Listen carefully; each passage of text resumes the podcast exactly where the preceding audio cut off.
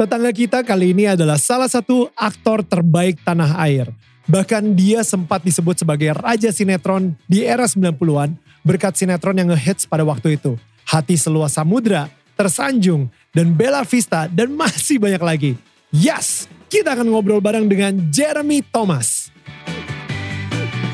Kita akan ngobrol soal nilai kehidupannya dan rahasia pernikahan Jeremy dengan Ina yang sudah melewati tahun perak. Namun beberapa tahun yang lalu, keluarga Jeremy Thomas melewati sebuah cobaan berat. Di sini, dia akan berbagi lebih dalam soal pengalaman tersebut. Dan inilah kisah tetangga kita ini gua Daniel, tetangga kamu. Di sini gua akan ngobrol dengan tetangga gua tentang perjalanan hidup mereka dari kacamata spiritual di saat mereka mengalami situasi tidak pasti dan kekhawatiran sampai bisa kembali bangkit menjadi orang yang lebih kuat dari sebelumnya. It's gonna be very exclusive and inspiring. Alright, tetangga-tetangga gue langsung aja. Ini dia Jeremy Thomas is in the house. What's up? I'm good. Apa kabar Dan? Very good. Gue sangat tersanjung lu mau datang ke sini. Waduh. Cie gila. No pun intended. Bro, uh, wow, you know like uh, tersanjung, Bella Vista, uh, dude, apa lagi sinetron sinetron gue itu ya? Sinetron gue itu oke, okay, uh, yang lumayan cukup uh, apa namanya melekat di hati masyarakat tuh Hati Seluas Samudra. Hati Samudra. Samudra itu my first debut with uh, Paramita and Anjas. Right, right. Lalu Bella Vista of course. Right. Uh, istri pilihan di antara dua pilihan. Dewi Fortuna, uh, Janjiku, Tersanjung, banyak lah, banyak. Bro, how many kayak sinetron tuh berapa judul kalau misalnya? Kalau judul gini. You lost count atau? Uh, no, kalau judul gua rasa ya yang uh, hit itu kurang lebih uh, 20 gua gak tahu mungkin kalau sampai sekarang mungkin sekitar 30 sampai 40 judul.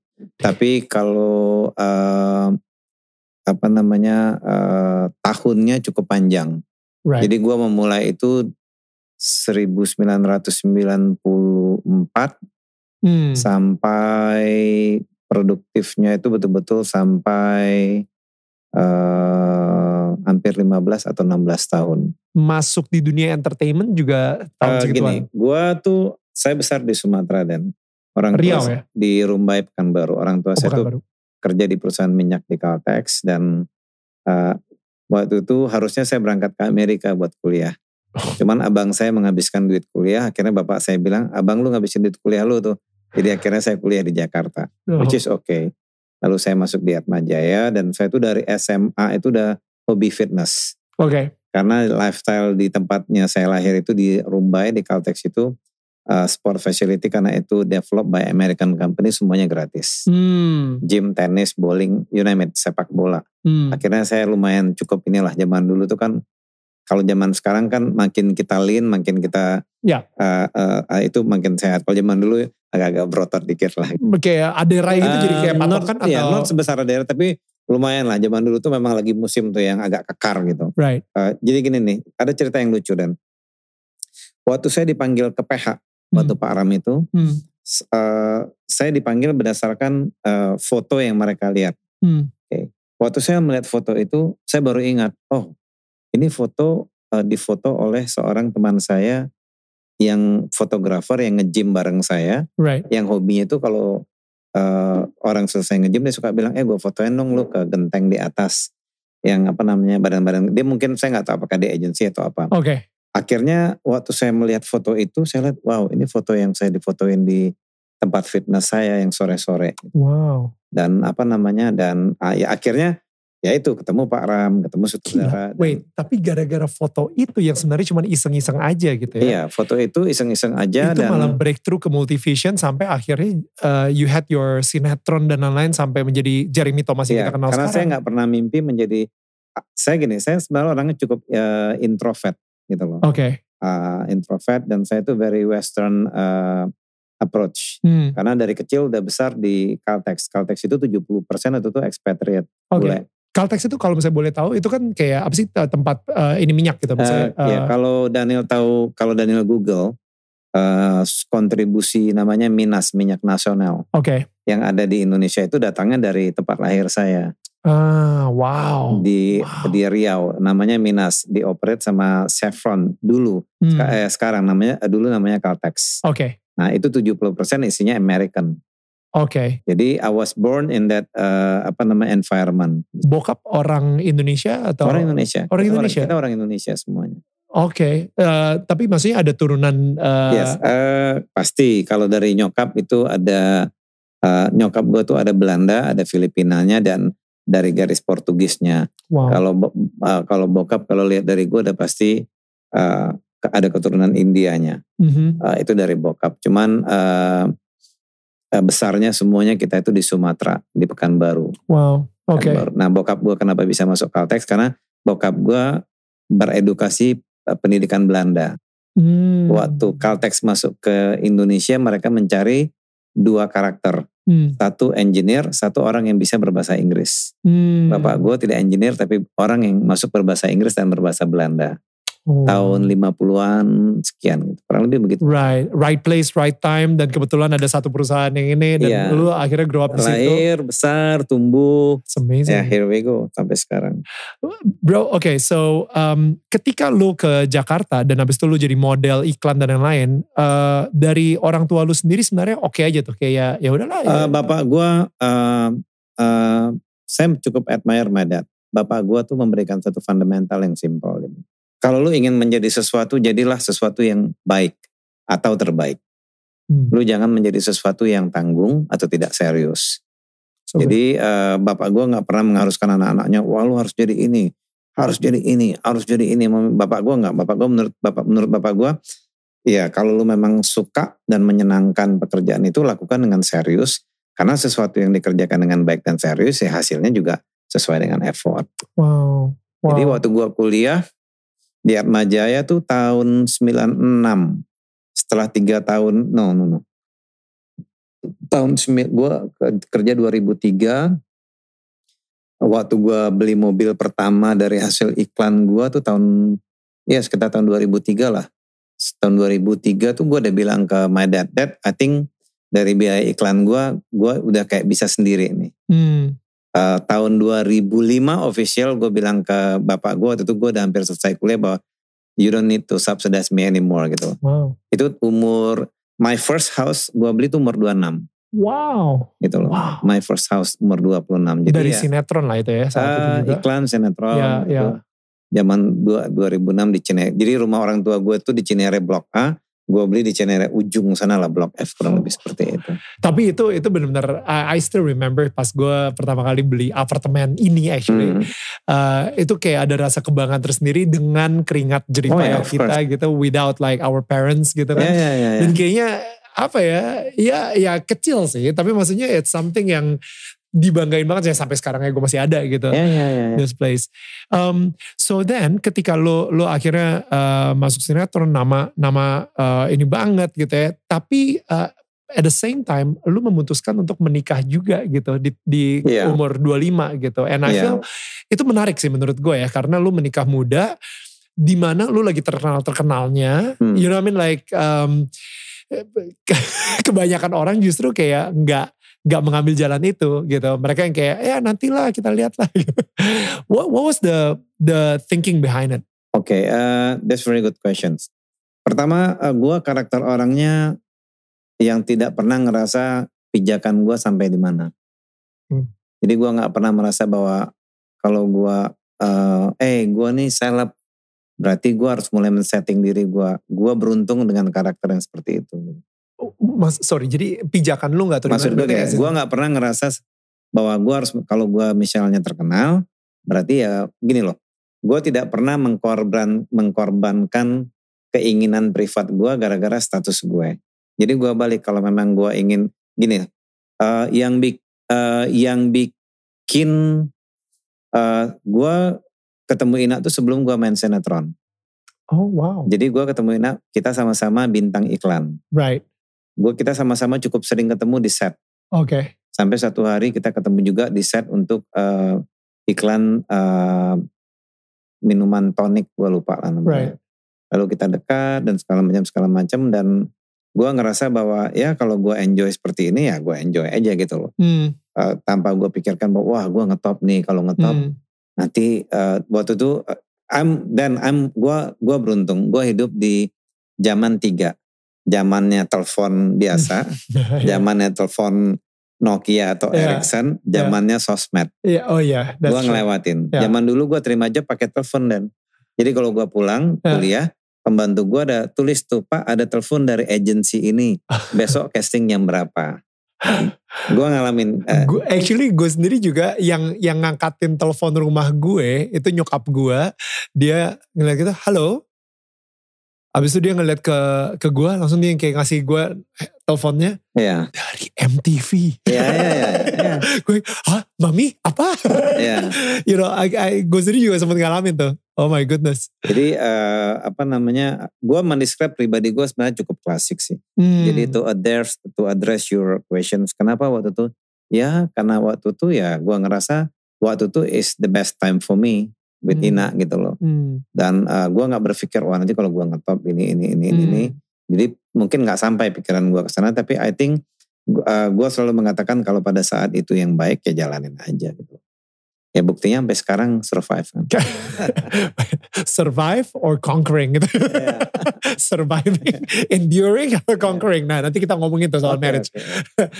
um, so uh, that's that's amazing karena uh, gue ngerasa emang bener uh, gue ngerasa kayak lu sama Ina itu salah satu kayak role model pernikahan yang gue sendiri juga pengen gali juga nanti about marriage um, dan you know with with Valerie sama Axel juga gitu dan tapi uh, kita masih flashback dulu when uh, ketika lu main sinetron dan lain-lain dan abis itu di tahun lu stop berarti tahun 2010 tadi ya Eh, 2010 bukan 2011. 2000, gue bukan stop. Sebenarnya gue mulai eh, mulai ngelihat bahwa industri gini, gue ngelihat industri itu berubah itu recently this couple years. right Tapi waktu kemarin itu tahun 2000 berapa tuh ya? 2000-an 14, 2005 eh, ya itu gue ngerasa bahwa ada shifting which is okay. Mhm. Shifting dari tren ini ke tren. Tapi pada saat gue ngelihat dunia stripping dan hasilnya seperti itu gue ngeliat wow this is yang gue nggak bisa keep up lagi gitu loh. Hmm, sekarang ini dengan adanya uh, kita bilangnya OTT. Jadi basically OTT ini adalah uh, episode-episode yang bisa lu tonton di uh, handphone gitu misalnya ya.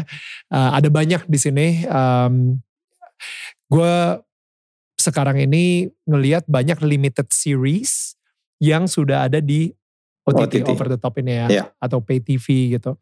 Nah, uh, lu sendiri tertarik untuk ke arah situ sekarang jadinya? Eh, Karena iya. itu kan lumayan niat gitu Iya, daripada sinetron Ya, TV. gue sekarang involve-nya memang di situ Right. sebagai pemain dan sebagai co-produce lah gitu. Oke. Jadi sebenarnya sinetron itu kita bilang itu drama series. Hmm. Genrenya, genrenya adalah eh, drama series karena memang dia drama berseries. Right.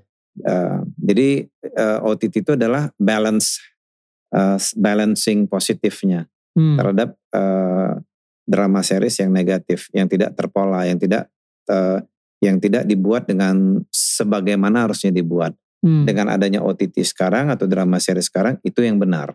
Right. Di mana dibuat, diproduksi, di casting, Hmm. di screen test, diedit, dievaluasi, dipromo dan didesain dengan uh, alat-alat atau dengan uh, sinematografi atau artistik yang memang sesuai dengan kompetitif di OTT.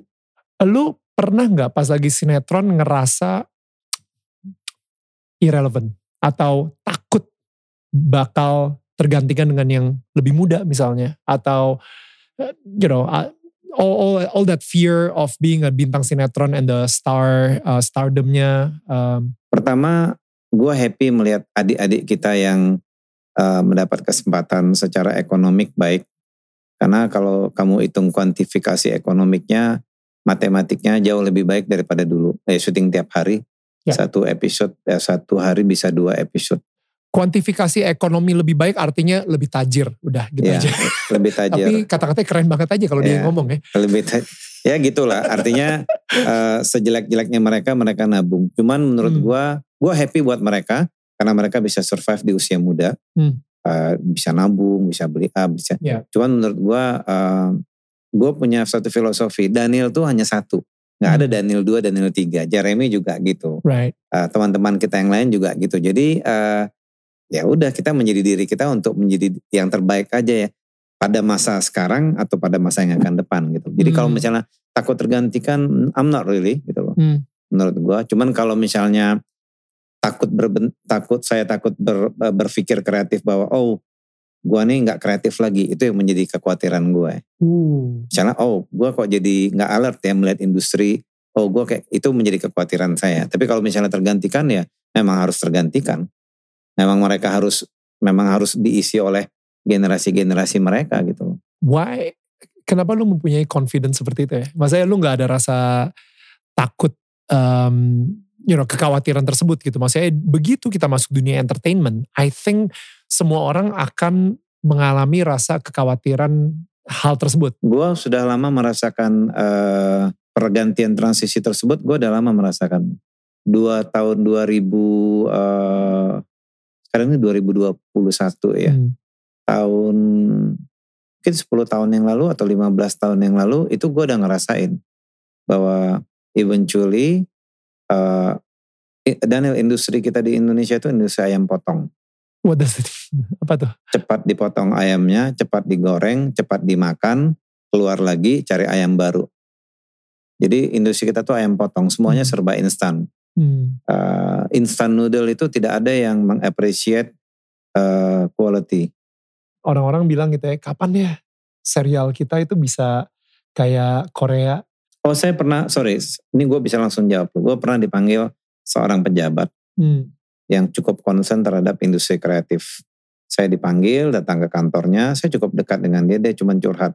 Pak Jokowi itu bingung, dia bilang. Atau ya Pak Jokowi and the gang bingung, kenapa industri kita ini nggak bisa seperti Korea.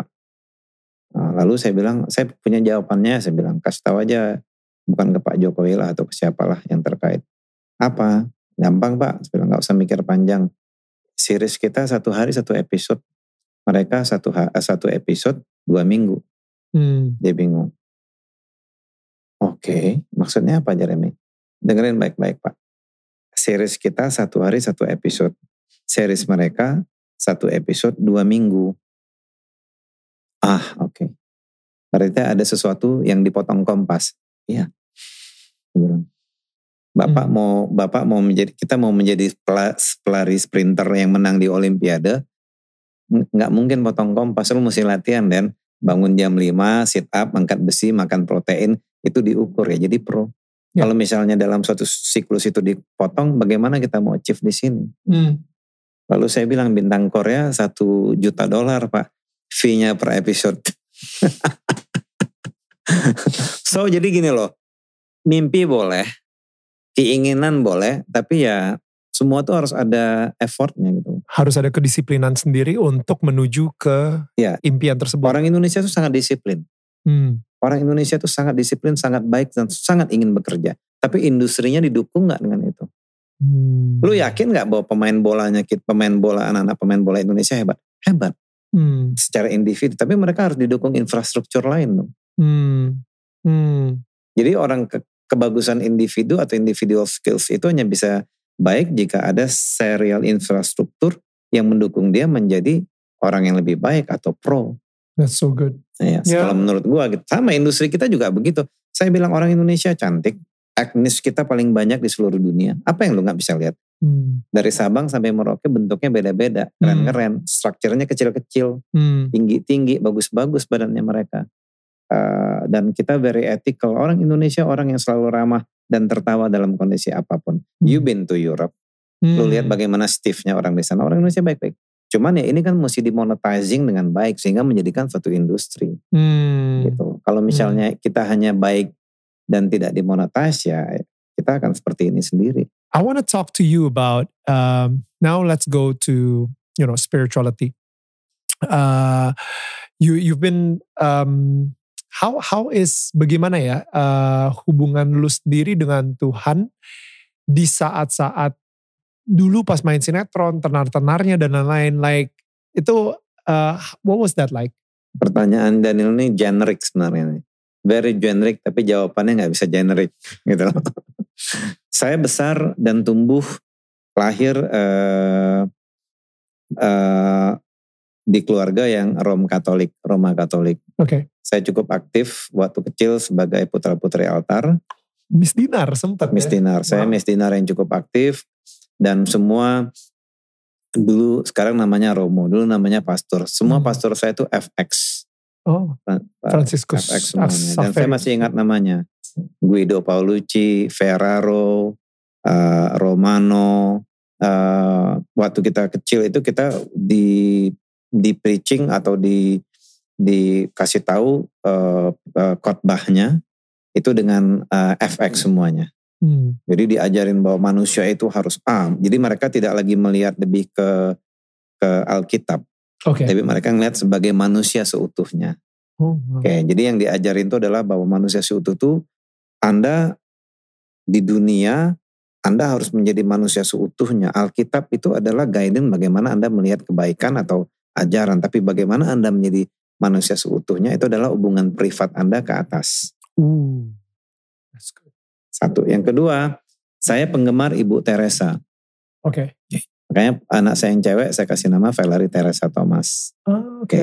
Karena Ibu Teresa punya fundamental. Jadi ini semua ber- berkaitan dengan apa yang kamu lihat sekarang atau bagaimana saya menginterpretasi.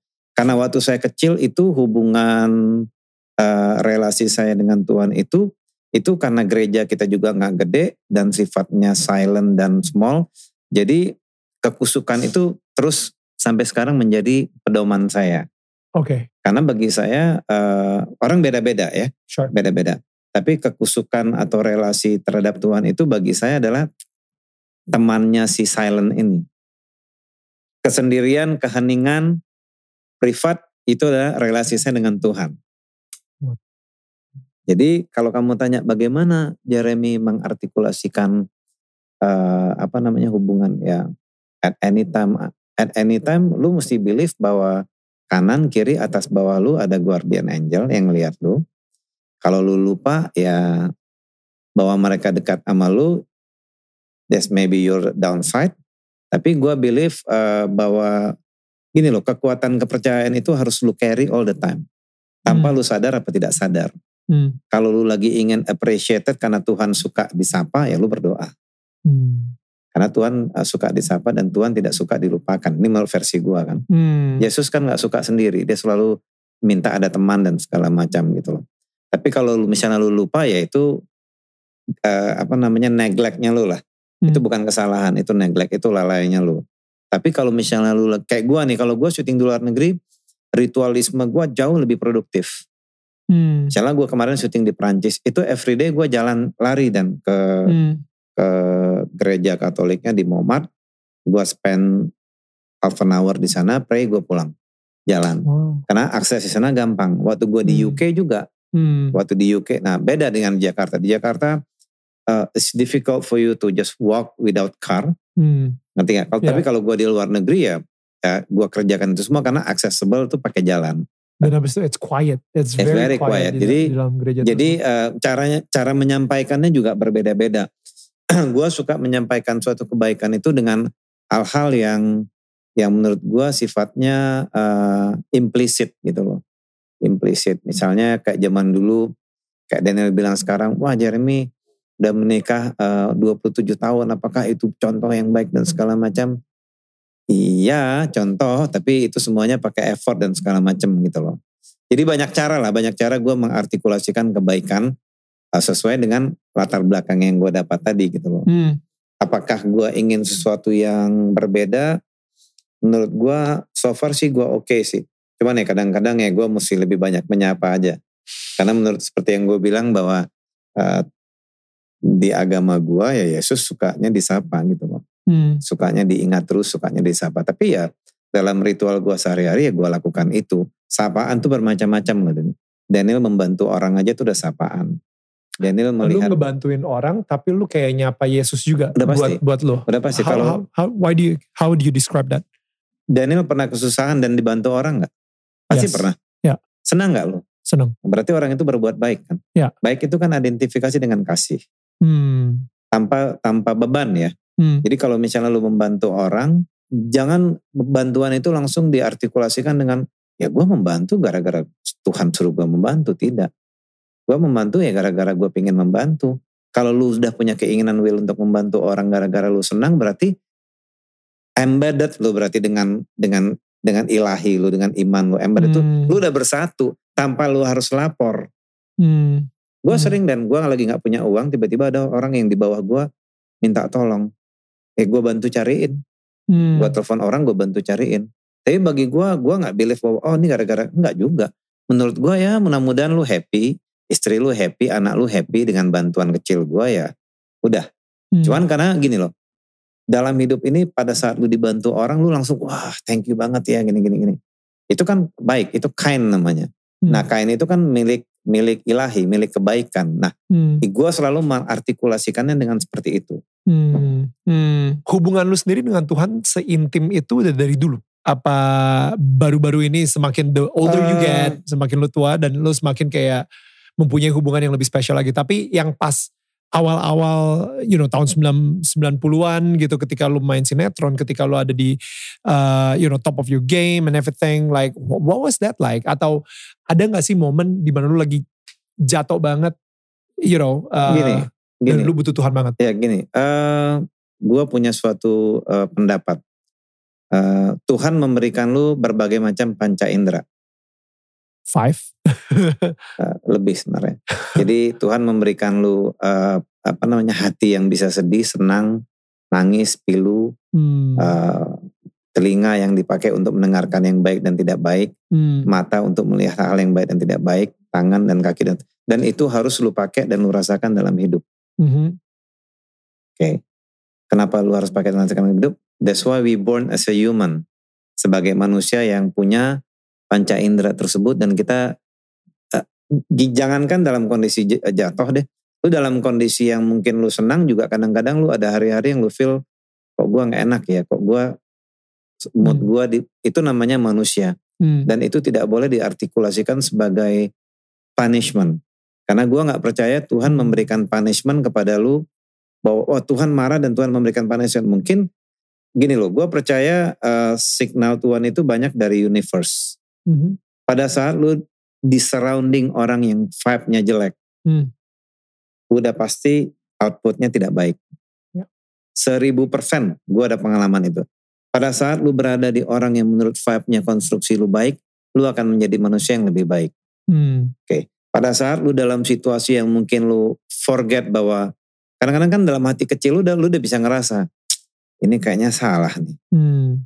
Tapi tetap lu terusin. Hmm. Nah itu Hmm. kan signal sebenarnya atau Hmm. peringatan.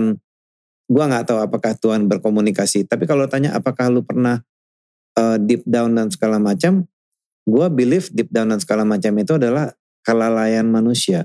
Oke, konsekuensi dari kelalaian, lu juga kelalaian gitu. manusia. Kelalaian manusia itu disebabkan faktornya banyak. Gini loh, gue pernah bertanya sama pastor gue, pastor, eh, kenapa ya kalau orang takut ke kuburan, merasa ketakutan? Oh iya, Jeremy tahu kenapa? Ya, karena kalau kuburan itu selalu diidentifikasikan dengan hantu. Hmm. Lu sudah memfonis alam pikiran lu kalau lu jalan di kuburan atau jalan di malam hari, sepertinya ada yang ngikutin lu. Lu udah men-setting tuh di sini. Hmm. Sudah lu setting, lu ciptakan, lu proyeksikan dalam suasana tersebut. Hmm. Lu yang ciptakan dia bilang. Pilihannya adalah lu ingin membuka diri ke sana apa tidak. Hmm. Hmm. Sama dengan kehidupan. Pada saat lu, lu misalnya kayak gue bilang, Tuhan tuh senang disapa. Hmm. Pada saat lu neglect lalai, tidak menyapa dia, Hmm. berarti lu jauh dong. Hmm. Berarti lu akan masuk ke vibe yang tidak baik dong. Hmm. Pasti ada ada ada kejadian atau ada output nanti yang akhirnya baru pap. Oh, Gue harus nyapa lagi. itu kan artinya bahwa Ya.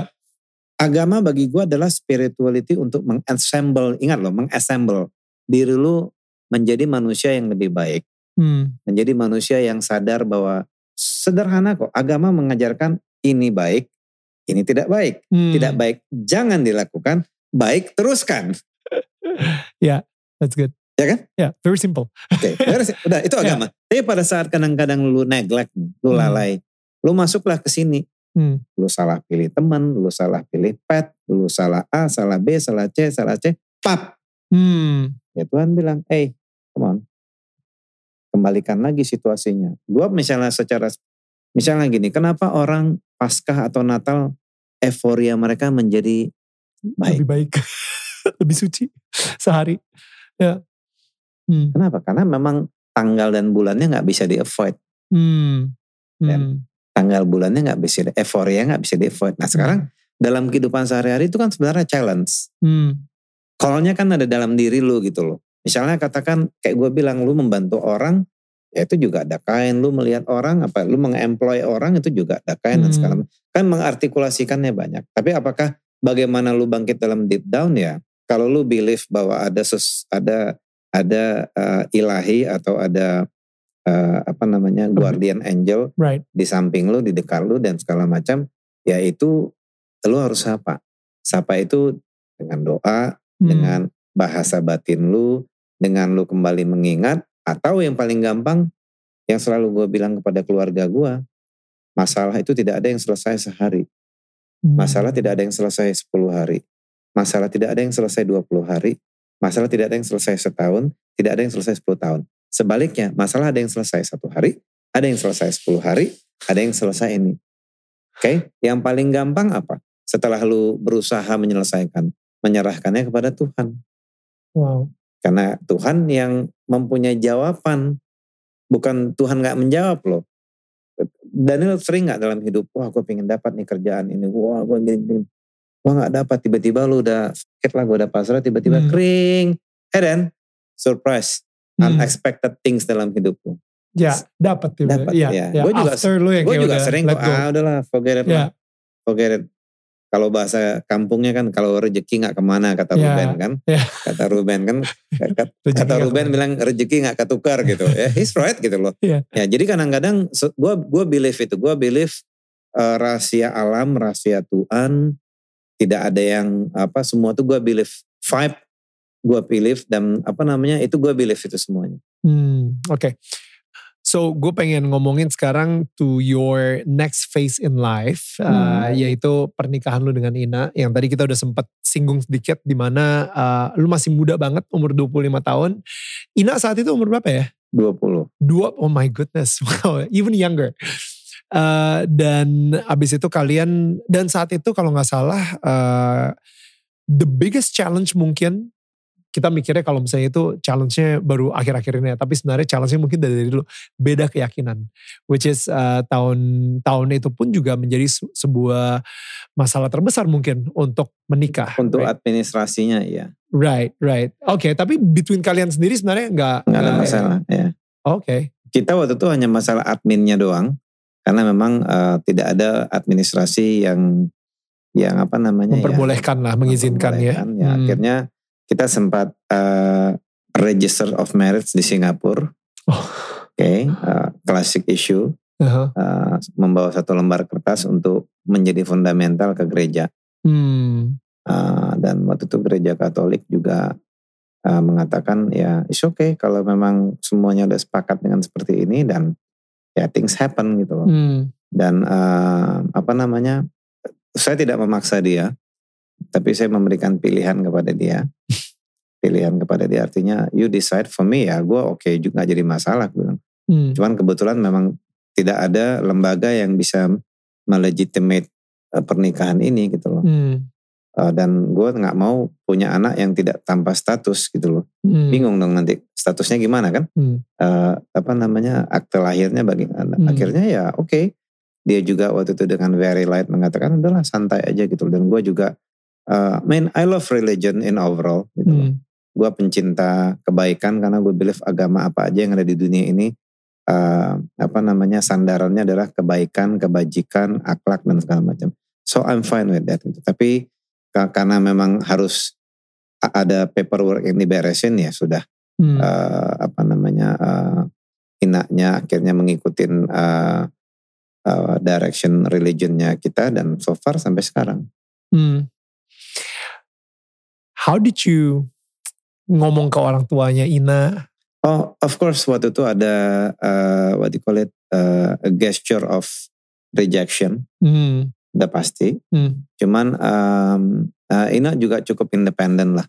Dia uh, dari umur belasan tahun dia udah cari uang sendiri dan kebetulan um, saya nggak tahu ya. Saya sempat tanya juga ke Ina dan Ina mengatakan bahwa dia suka hidup yang simple, yang nggak terlalu banyak melibatkan keluarga, yang yang apa namanya yang kayak lu lah gitu, yang maksudnya nggak yang mau yang mau bersatu kan kita. Oke, okay, of course uh, keluarga juga harus united, that's a good culture. Tapi kan at the end drivernya adalah tergantung dari kita gitu loh. Jadi of course ada gesture of rejection, which is itu wajar.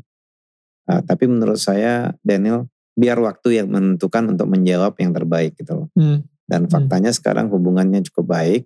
Hmm. Uh, apa namanya uh, keluar apa uh, ibunya juga happy dengan Matthew dengan Valerie. Hmm. Matthew menjadi cucu favorit dan katanya everything's fine well.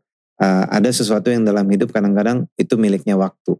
Hmm. Bukan miliknya kita, bukan miliknya siapa-siapa karena waktu yang akan bisa meng, bisa bisa memberikan jawaban yang terbaik. Gitu.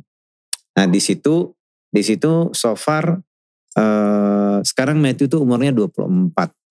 Ya 24 tambah 3 27. Ya berarti ya 27 tahun lah. Hmm. Waktu lu umur 25 dan dia umur 20 nikah muda. What was that like?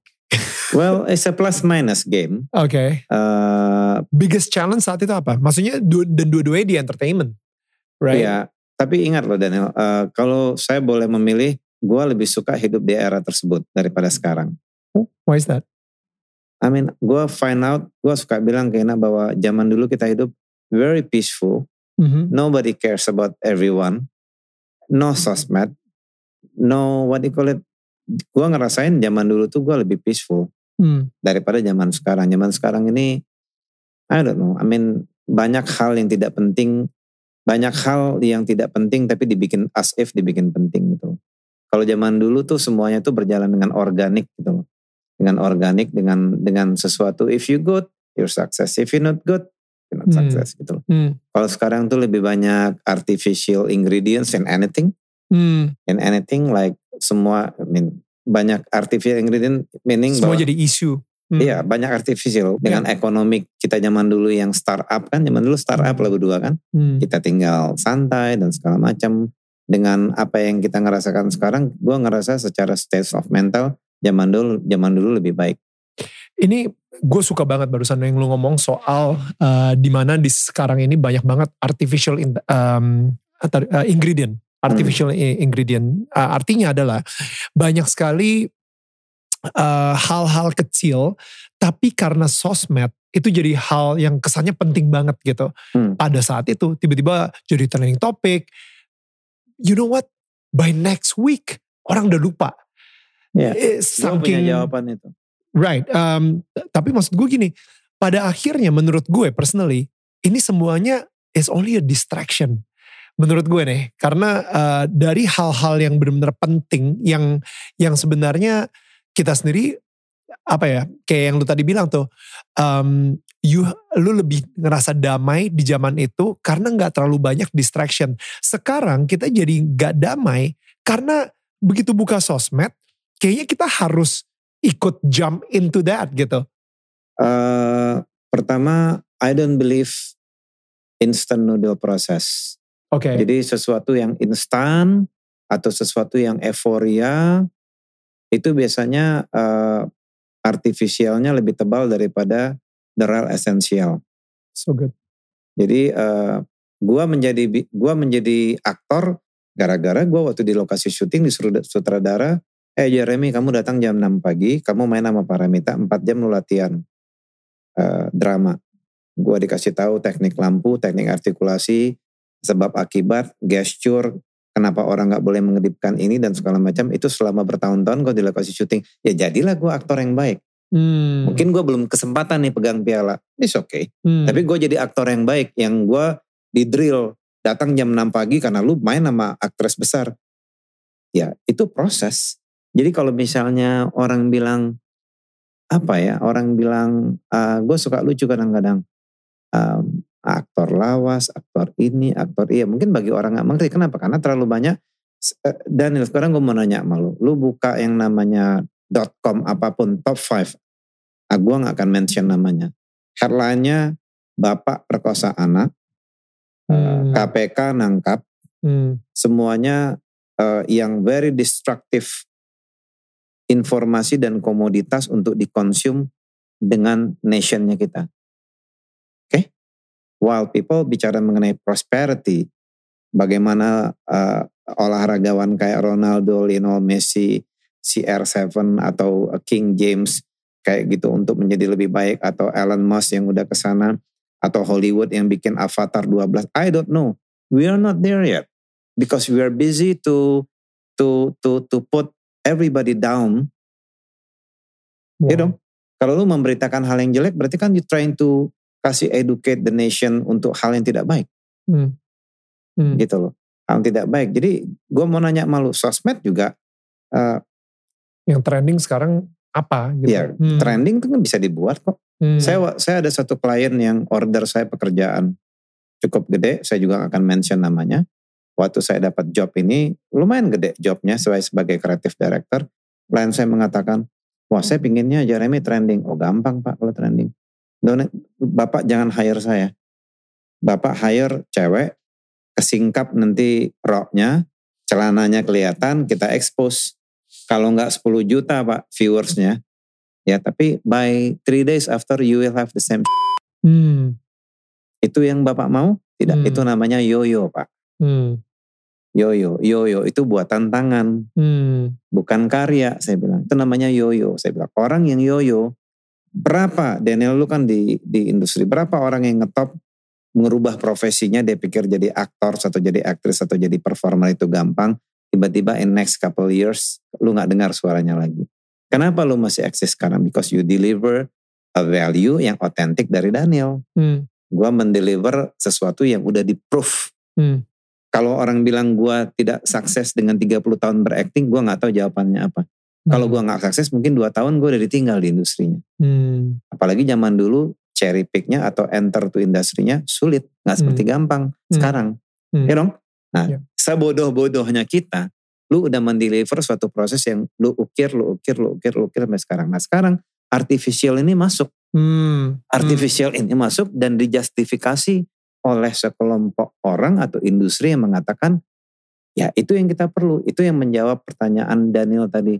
Kenapa gue bisa dikatakan udah half resign atau resign dari sinetron. Karena gini loh Dan, pada saat lu menemukan dalam suatu posisi gue nggak memberikan upside lagi nih. Dalam karya, dalam komersil, komersil itu identifikasinya atau konotasinya uang. Hmm. Gue udah gak ada upside lagi. Ngapain gue stay di situ? Upside itu maksudnya apa? Value atau? Value, uang. Value okay. kan dua, tangible uang. Yeah. Intangible adalah lu senang bisa terappreciate dengan hmm. environment kerja lu. Hmm. Kalau lu udah gak senang ya lu pikir oke. Okay, lalu lu lihat sebelahnya tangible-nya masih ada gak nih uang ya udah. Kalau lu ngerasa bahwa gue gak bisa improve lagi, dengan waktu yang lu pikir lu pasti akan shifting dong. Hmm. Karena you believe you gotta have to, lu punya talent yang lain, yeah. lu bisa berkarya. Hmm. Nah, orang-orang kan kayak uh, Daniel atau kayak ini kan tidak banyak. Hmm. Hmm. Gitu loh. Jadi seperti itulah kurang lebih ininya. Oke, okay. gue uh, selalu nggak tahu ya, gue selalu suka banget ketika lu ngomong um, yang instan itu akan kalah sama yang yang udah solid gitu. You know, kalau yeah. misalnya kita ngomongin kayak makanan gitu ya.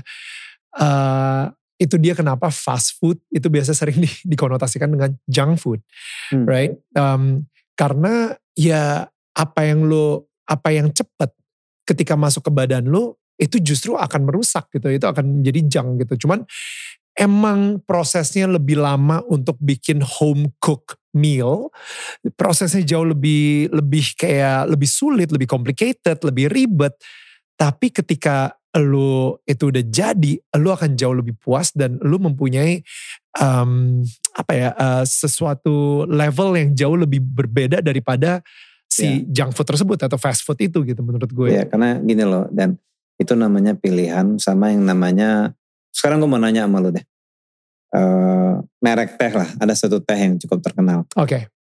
Lu taruh teh itu hmm. di warung 8 tahun dia stay, nggak busuk. Uh. Kenapa? Karena pengawet kan.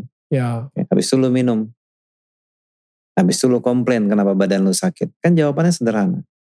Pada saat lu memasukkan chemical yang berlebihan ke dalam tubuh lu, ya tapi again ini semuanya gini loh. Gua ngelihat sekarang kita mengalami degradasi yang cukup lumayan, significant and anything.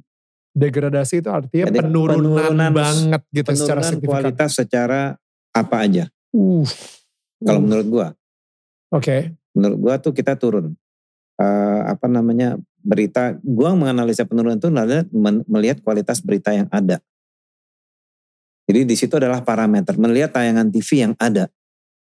Hmm. Ya uh, apa namanya uh, beruntung masih ada tayangan-tayangan yang kayak dibikin Daniel atau apa Idol hmm. Hmm. ini itu dan segala macam dan gue nggak tahu waktu lu jadi juri apakah lu ngerasa bahwa ada penurunan apa enggak gue nggak tahu hmm. tapi maksud gue kita cukup lumayan turun karena kita nggak ngelihat lagi sesuatu yang solid yeah. sesuatu yang dikerjakan dengan kreatif hmm. dengan effort atau sekarang uh, variety show udah gampang lu hanya butuh few people laughing hmm. each other and then with a very light content and orang suka seperti itu. Berarti kan memang ya.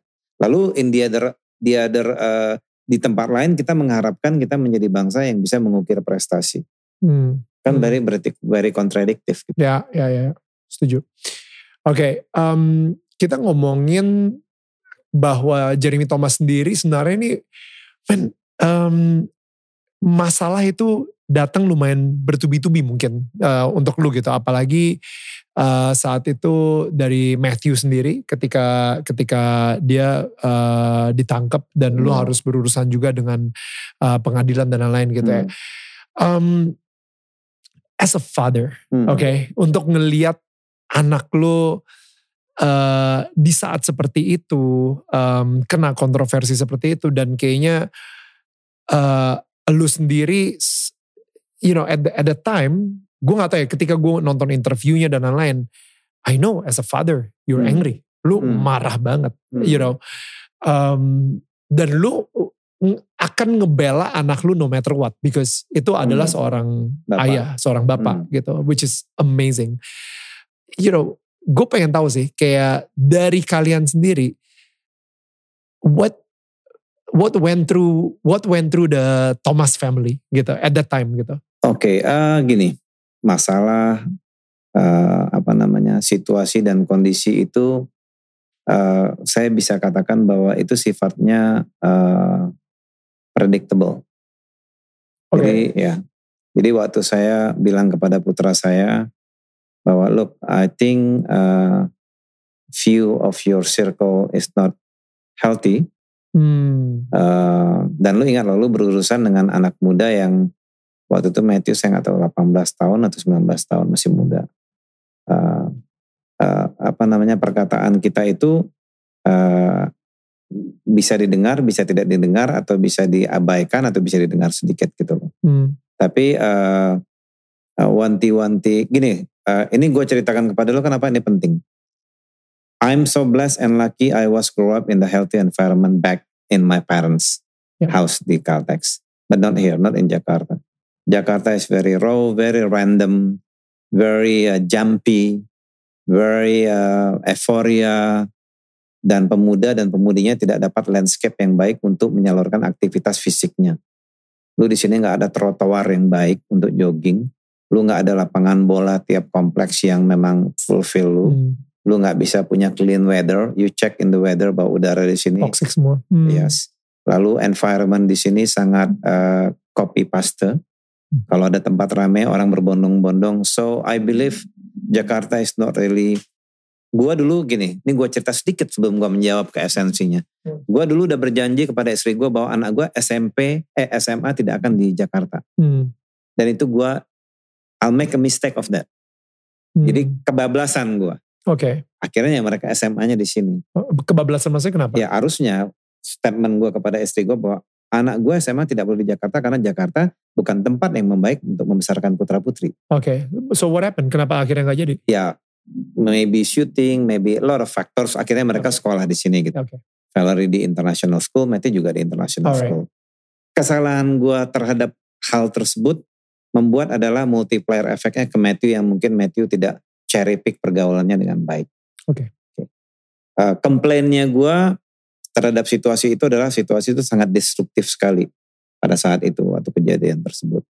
Tapi kalau kamu bertanya apakah kita cukup uh, Dan, gue mau nanya sama lo. Tidak ada orang keluarga atau orang tua yang misalnya dalam situasi seperti itu mereka nggak dry, dry. Udah pasti dry, dry. Kering. Kering. Pasti dong, capek, mental, fisik semuanya. Uh, apalagi kalau lu concern terhadap uh, family member lu. Cuman dalam sikap tersebut lu harus mempunyai sikap sandaran. Sandaran bahwa uh, dalam satu kejadian gini, ada lu harus melihat dua sisi. Lu melihat sisi euforia penyesalan dan mulai wah begini-begini atau lu stop, shut up, and move. Gue memilih sikap itu. Hmm. Bahwa stop, shut up, and move.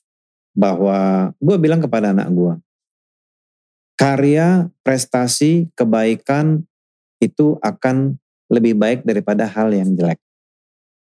If people, uh, kalau orang misalnya uh, melihat hal dari gini loh, orang yang dikuasai oleh gibah, gibah itu apa ya? Yang selalu negatif, pingin tahu negatif, membicarakan orang, mereka akan stay di sana. Orang yang misalnya dapat musibah atau kejadian, mengambil sikap maju karena lu believe kalau lu maju lu punya sesuatu, lu akan terus move forward. Saya waktu itu mengambil sikap seperti itu. Wow. Jadi uh, setelah urusan Matthew selesai, akhirnya gue bilang, loh ini sebenarnya kalau dibilang besar, iya, dibilang nggak besar, iya, gue bilang so, so we need to make a major decision. Akhirnya waktu itu pas Matthew selesai urusan itu langsung gue flight him to UK untuk sekolah. Healing lah.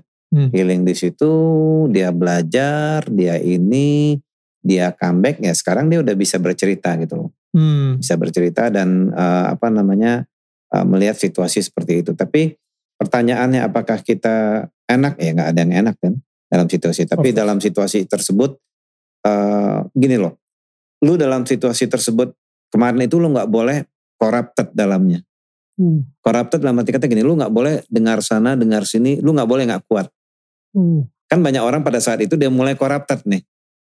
Dia left. mulai membuka diri untuk apa aja yeah, karena dia desperate. Left, yeah. right, hit, yeah thanks God keluarga kita nggak seperti itu. Hmm. Jadi kita waktu itu we being united, we stay together, we said look this is my decision and move forward. Wow. Because that's the only options you have in life. Move forward. Jadi siapa pepatah yang mengatakan tuh gue lupa tuh yang orang uh, yang dia bilang move forward. Kalau lu harus crawling, lu crawling. Kalau harus lu ngerangka, lu ngerangka. Move forward. Pokoknya gini loh, dalam sehari lu harus mengerjakan dua hal yang produktif nelfon teman ngomongin kerjaan atau bikin begini, pokoknya per, dua dua dalam sehari itu dua hal aja. Ya. Atau lu nge-gym produktif kan? Hmm. Atau lu makan, pokoknya gitu. Jangan memikir yang negatif karena orang tempat negatif itu udah ada tempatnya. Hmm. Dan mereka akan enjoy sekali. Wah ini begini, begini, begini, begini, begini. If someone talk you behind the back, they always behind your back.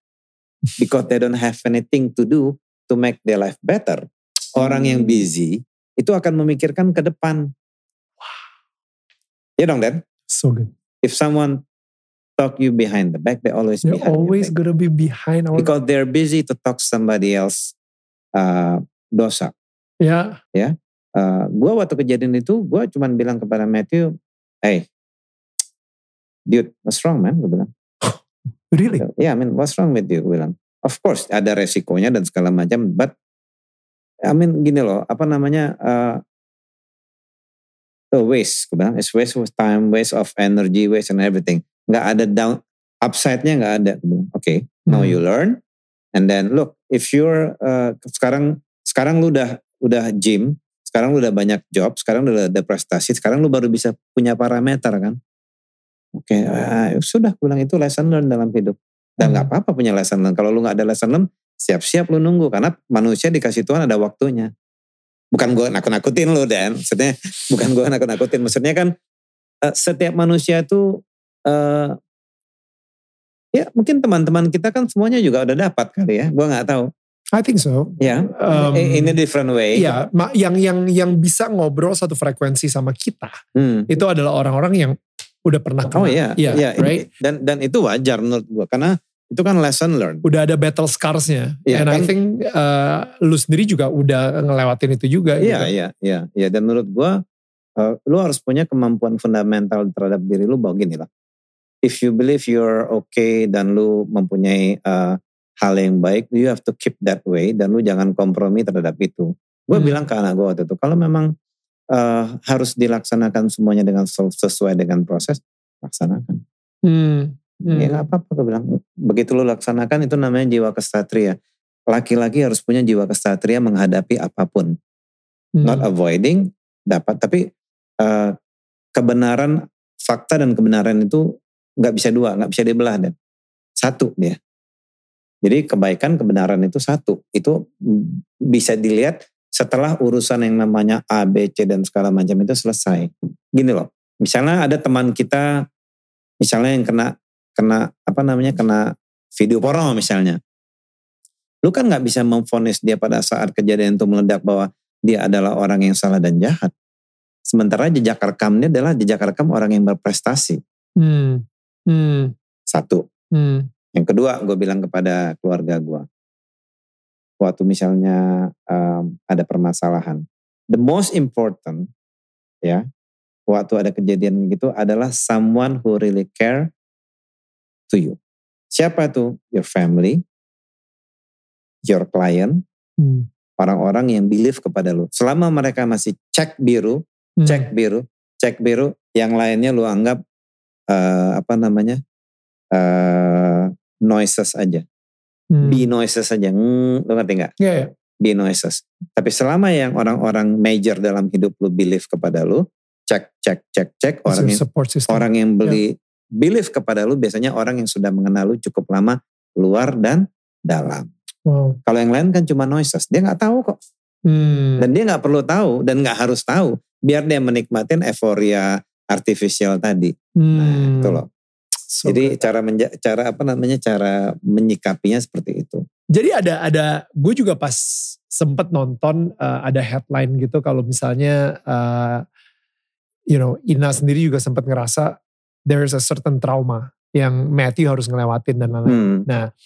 Itu of course as a mother kita Hmm. pasti um, as a parents ya bukan cuma mother aja gitu as a parents kita kita pasti mikir kayak my goodness what if what Hmm. if dan lain-lain. Ketika Matthew di UK what was the apakah kalian kayak counseling terus sama mereka does he um, gimana caranya supaya itu kayak bikin identitas Matthew itu nggak nggak balik ke trauma itu gitu misalnya Ya, eh, itu pertanyaannya bagus. Dan saya ada jawabannya. Jadi gini, eh, Dan. Ada pepatah yang mengatakan begini, Dan. Kamu harus berada di environment yang membuat kamu merasa menjadi manusia yang berharga secara harkat dan martabat.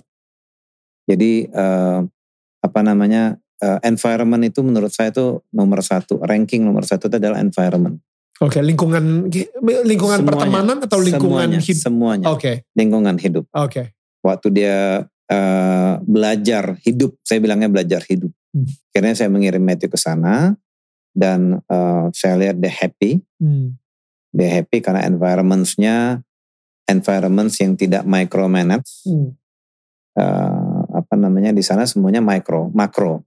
Lu rajin, gini lah bahwa di sana dia lebih ke mendapatkan eh, challenge yang makro. Artinya bahwa ya kalau di sini eh, very micro, anything is possible, anything can be happen di sini gitu loh. Tapi kalau di sana kan orang makro bahwa eh, lu harus rajin, lu harus kuliah, lu harus eh, bangun pagi, lu harus ini, lu harus dapat teman-teman vibe yang beda dan segala macam dan itu terdevelop dan itu baik buat dia. Hmm. Uh, dia juga uh, baik buat dia, dia punya teman-teman yang juga uh, care about him dan dia mendapatkan suatu vibe yang menurut gua dia happy. Karena uh, pada saat orang berada di suatu tempat dan dia happy itu akan menggerakkan stimulator orang untuk menjadi maju dan tumbuh dan berkembang gitu. Hmm. Jadi ya I think in that time I make a very good decisions untuk kirim dia ke UK ya ya untuk Hmm. sekolah melanjutkan sekolahnya dan segala Hmm. macam dan ya so far ya it's went well. Um, Oke eh, mengenai trauma of course eh, cukup sulit bagi dia karena eh, dia nggak menyangka bahwa eh, apa namanya eh, itu terjadi. Eh, kan selalu gue mengatakan kepada orang jangan meremehkan kepleset karena dengan kepleset kaki lu bisa patah gitu loh. Hmm. Iya dong. ya Kan orang bilang, ah kepleset doang, kepleset bisa patah loh kaki, bisa nggak bisa lari lagi dan gitu. Padahal Right. cuma kepleset. Jadi Right. jangan meremehkan sandungan kecil Karena kadang sandungan kecil bisa membuat lubang besar gitu loh. Jadi ya be careful gue bilang. Tapi ya uh, gue ngelihat uh, apa namanya lesson learn itu dalam hidup uh, membuat kita mengassemble diri kita tuh untuk menjadi lebih baik dalam hal apa aja. Sebagai orang tua, gue juga bilang ke Matthew, lo waktu lu di sini siapa yang datang say hello ke lu? Yang datang adalah orang-orang yang berkualitas loh. Wow. Teman-teman Matthew yang datang orang-orang berkualitas yang dari kecil sampai sekarang hari ini menjadi teman akrabnya dia. Jadi filter, jadi banyak gini loh, dan dalam situasi itu tuh banyak kejadian. Lu bisa filter, lu bisa cherry picking, lu bisa lihat dan segala macam. Dan itu penting dalam hidup.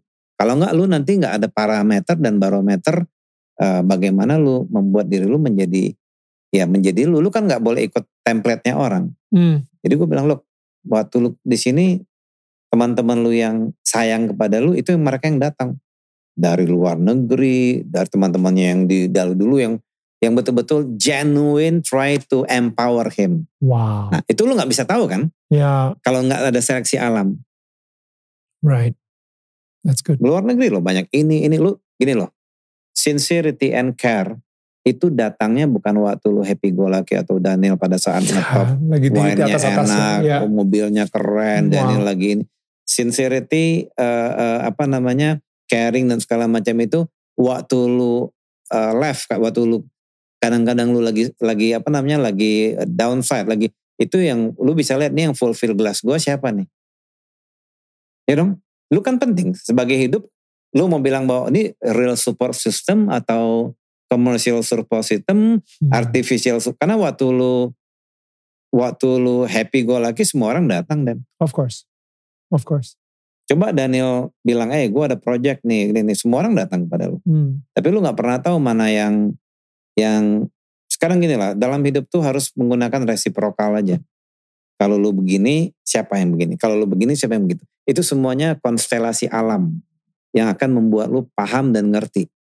Lu sendiri pernah ngelewatin hal seperti itu? eh gua gini loh, gua sebagai adult ngelihat bahwa if you wanna grow up and learn about real life, every morning when you wake up, lu harus siap sebagian menerima bahwa life is not easy, life is full of challenge, and do you think people happy to see your success?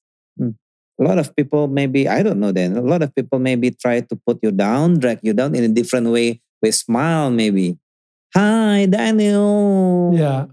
But with the intention to drag you down. Wow. You have to be prepared to be like that. Wow. Misalnya gue digituin orang, dituduh dan segala macam. Selalu gue bilang loh, kebenaran tidak mendua. Kebenaran satu.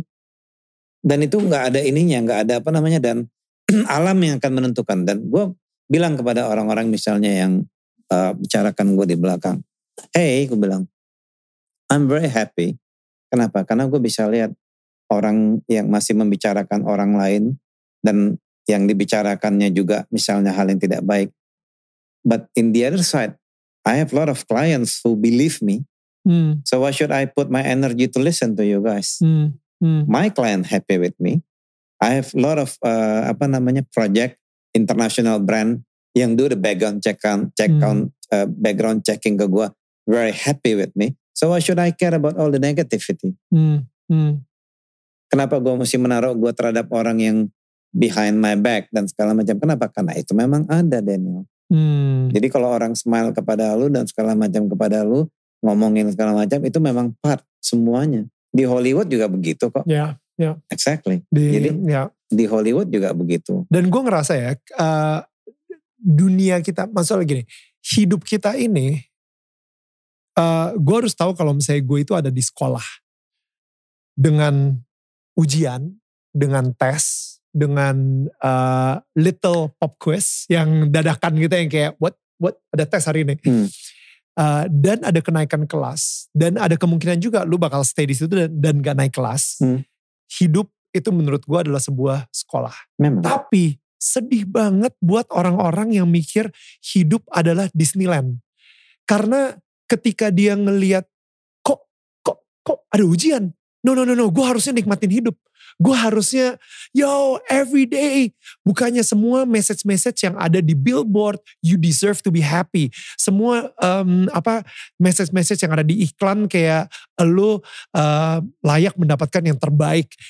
Ini gue harusnya mendapatkan terbaik. You, you know, kita di dunia ini di di apa ya di brainwash dengan semua message-message bahwa kita ada di paradise. Oke. Okay. Kenapa? Tapi we're actually in freaking school, okay. man. Oke, okay. Daniel, why you become Daniel Mananta right now? Cause no, gak enak nyombong. Bukan, bukan, bukan. Maybe because you're unique. Oke. Okay. Lu yeah. tidak hidup pakai template. Right. Lu right. tidak hidup pakai pakai apa namanya? Lu tidak hidup pakai template orang pada umumnya. Lu tidak hidup pakai sistem yang dilakukan orang pada biasanya.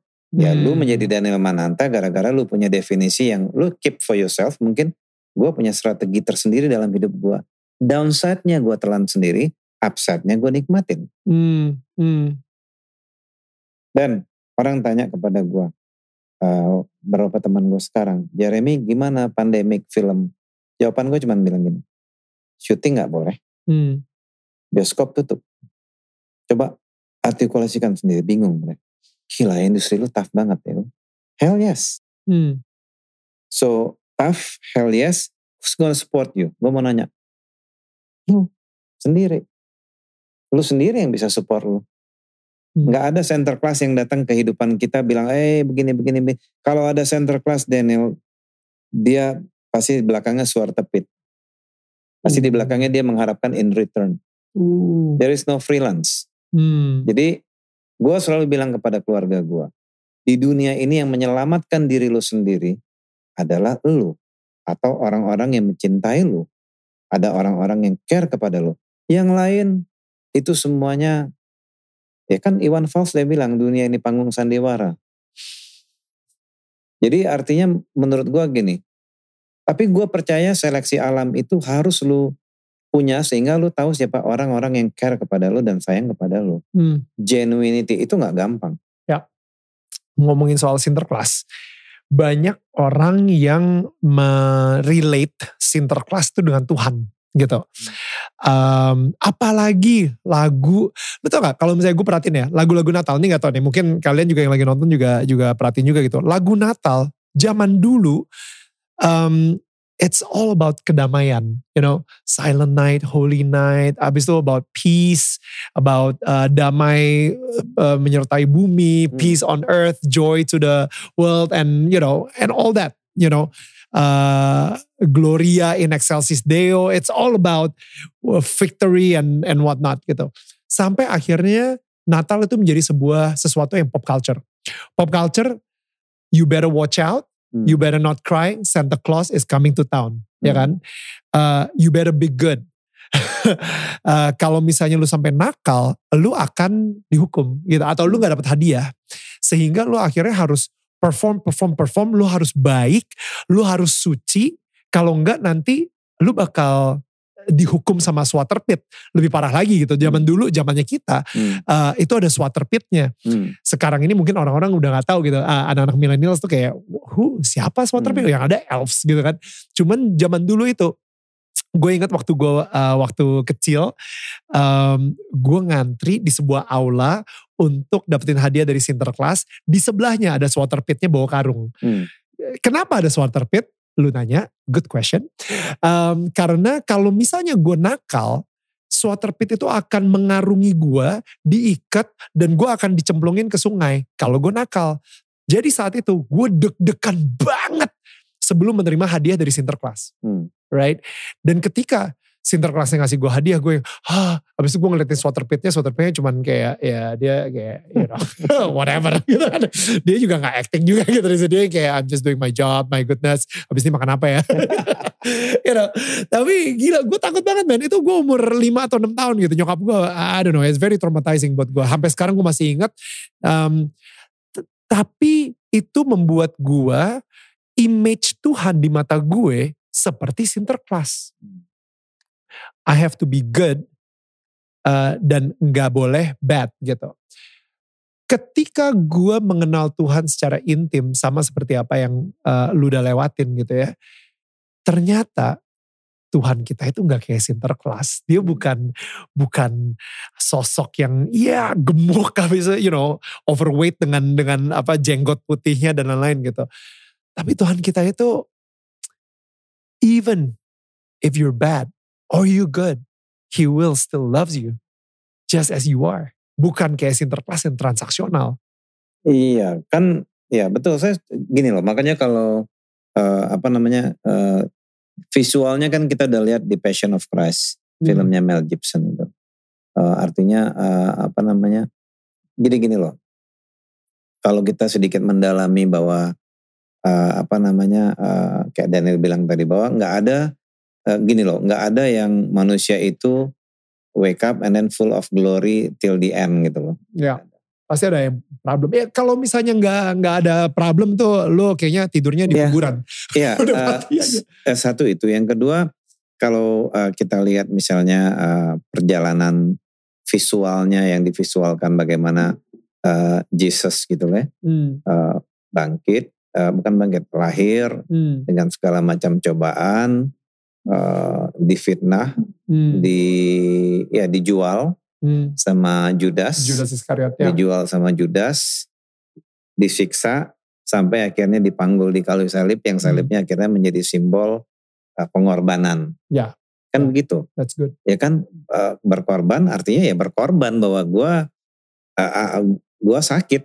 Hmm. Bahwa gue meninggal dengan kesakitan, dengan pengorbanan dan segala macam. Jadi uh, apa namanya artikulatif interpretasi itu harus kita camkan juga gitu. Jadi artinya uh, eh, gue nggak tahu apakah Daniel banyak berteman sama orang-orang yang udah uh, mature atau grow.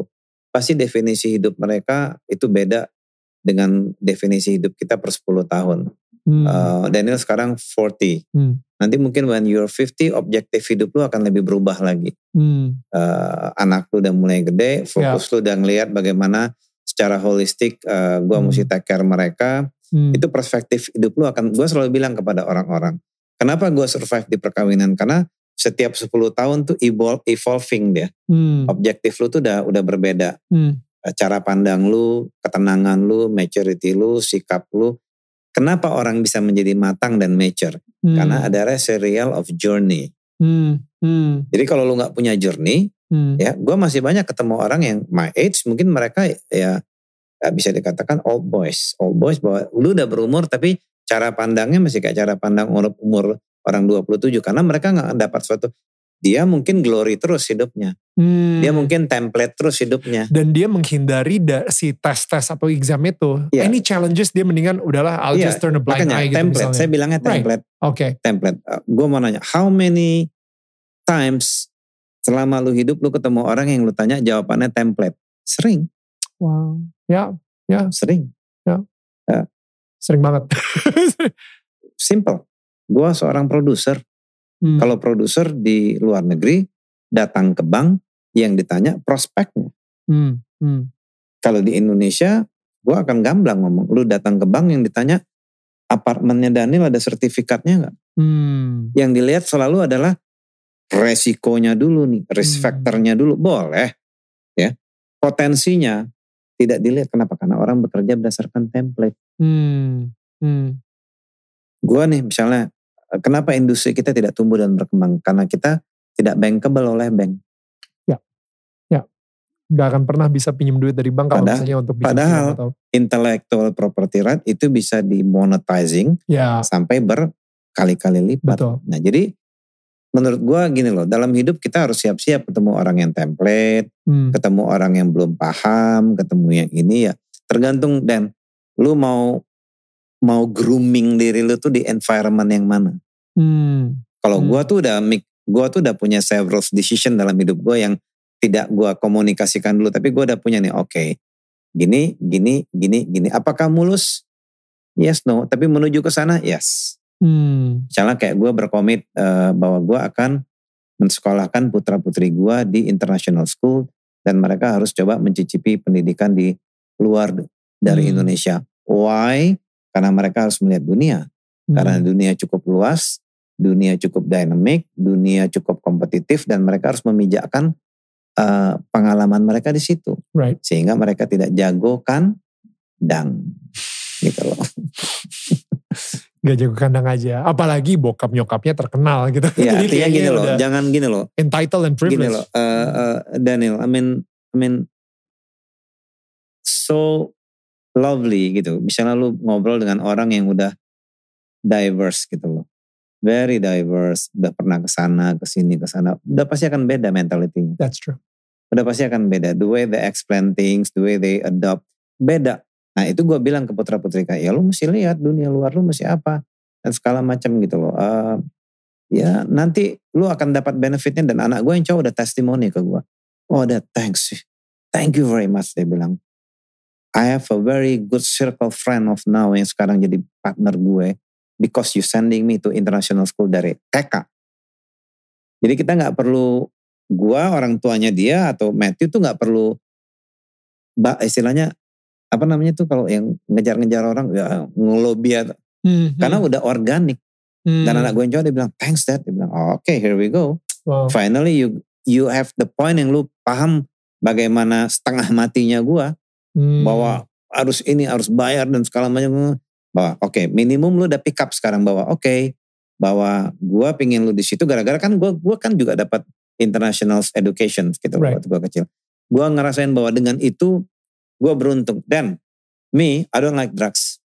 I don't do drugs. Hmm. di zamannya gua sinetron dulu yang namanya challenge temptation enggak itu di depannya mata gua dan gua nggak terjamah sama sekali. I mean gua nggak terappetite because I don't like it. Memang gua nggak suka. Jadi eh, kayak yang namanya urusan-urusan begitu gua nggak suka. Oke. paling I, I'm enjoy alcohol so much gitu karena for me eh, wine dibuat dari anggur semua itu bahan duniawi gitu loh Organic. organik gitu. Tapi kalau yang lain gue nggak ada appetite. Itu bersyukur gara-gara gue dari kecil udah terdevelop. Gue ngopi nge-gym, gue suka sendiri, gue nggak tergantung sama orang. Even my wife bingung. Dia bilang, why kamu bisa makan sendiri ya? Gue dia makan sendiri. Ya, gue orangnya yang bisa makan sendiri, gue bisa ngewan sendiri. They found me a, yeah, no, I'm okay with that. I'm happy. with Aneh ya. Kayak eh, I'm happy. kita I aja to spend my time alone yeah. instead I'm spending with someone who suck my energy. Gue bilang, That's so good. Yeah. gue bilang, dan itu menjadi pertanyaan. Kalau misalnya, jadi gua tiap kali gua mau pergi, I'm good. So misalnya gua nggak perlu uh, companion. Ya, ya. I can go, I can relax, I can go gym, I can. Makanya waktu gua misalnya uh, trip ke uh, Europe, itu gua terassemble. Hmm. Gua pagi, gua lari, ini Hmm. habis itu gua syuting, selesai, selesai, selesai, selesai. Hmm. Dan gua very begitu gitu loh. Hmm. Hmm. Pertanyaannya adalah anak gue pernah bertanya Dan, temen lu mana Dan? Oh I have many friends. Ask me, mention mine. But why you alone? Ya kalau memang gue harus sendiri ya gue sendiri. Kalau memang gue harus sama teman gue ya gue sama teman gue. Pada saat gue mesti meeting sama grup ya gue meeting sama grup. Gue bilang, "Eh, pertemanan kan bukan berarti lu melekat, habis itu lu menjadi patternnya mereka. Look, di pertemanan either you lead or you followers. If you lead, so you okay, you decide. Tapi kalau lu jadi followers, lu mau ngikut orang sana ke sana ke sini ke sana ke sini gitu. Jadi banyak faktor lah menurut gue yang yang apa namanya yang yang environment vibe itu menentukan lo. Nah, back to the conclusion, gue dapat itu waktu kecil. Hmm. Gue dapat itu waktu kecil, anak gue nggak dapat. Hmm. Karena anak gue nggak dapat vibe atau environment seperti itu, ada risk factor yang sudah kadang-kadang udah lu install di kepala lu nih. Ya. Oh ini mungkin terjadi, ini mungkin terjadi, ini mungkin terjadi, ini mungkin. Nah kadang-kadang ya itu yang lu mesti anticipate lah kalau menurut gue gitu. So good.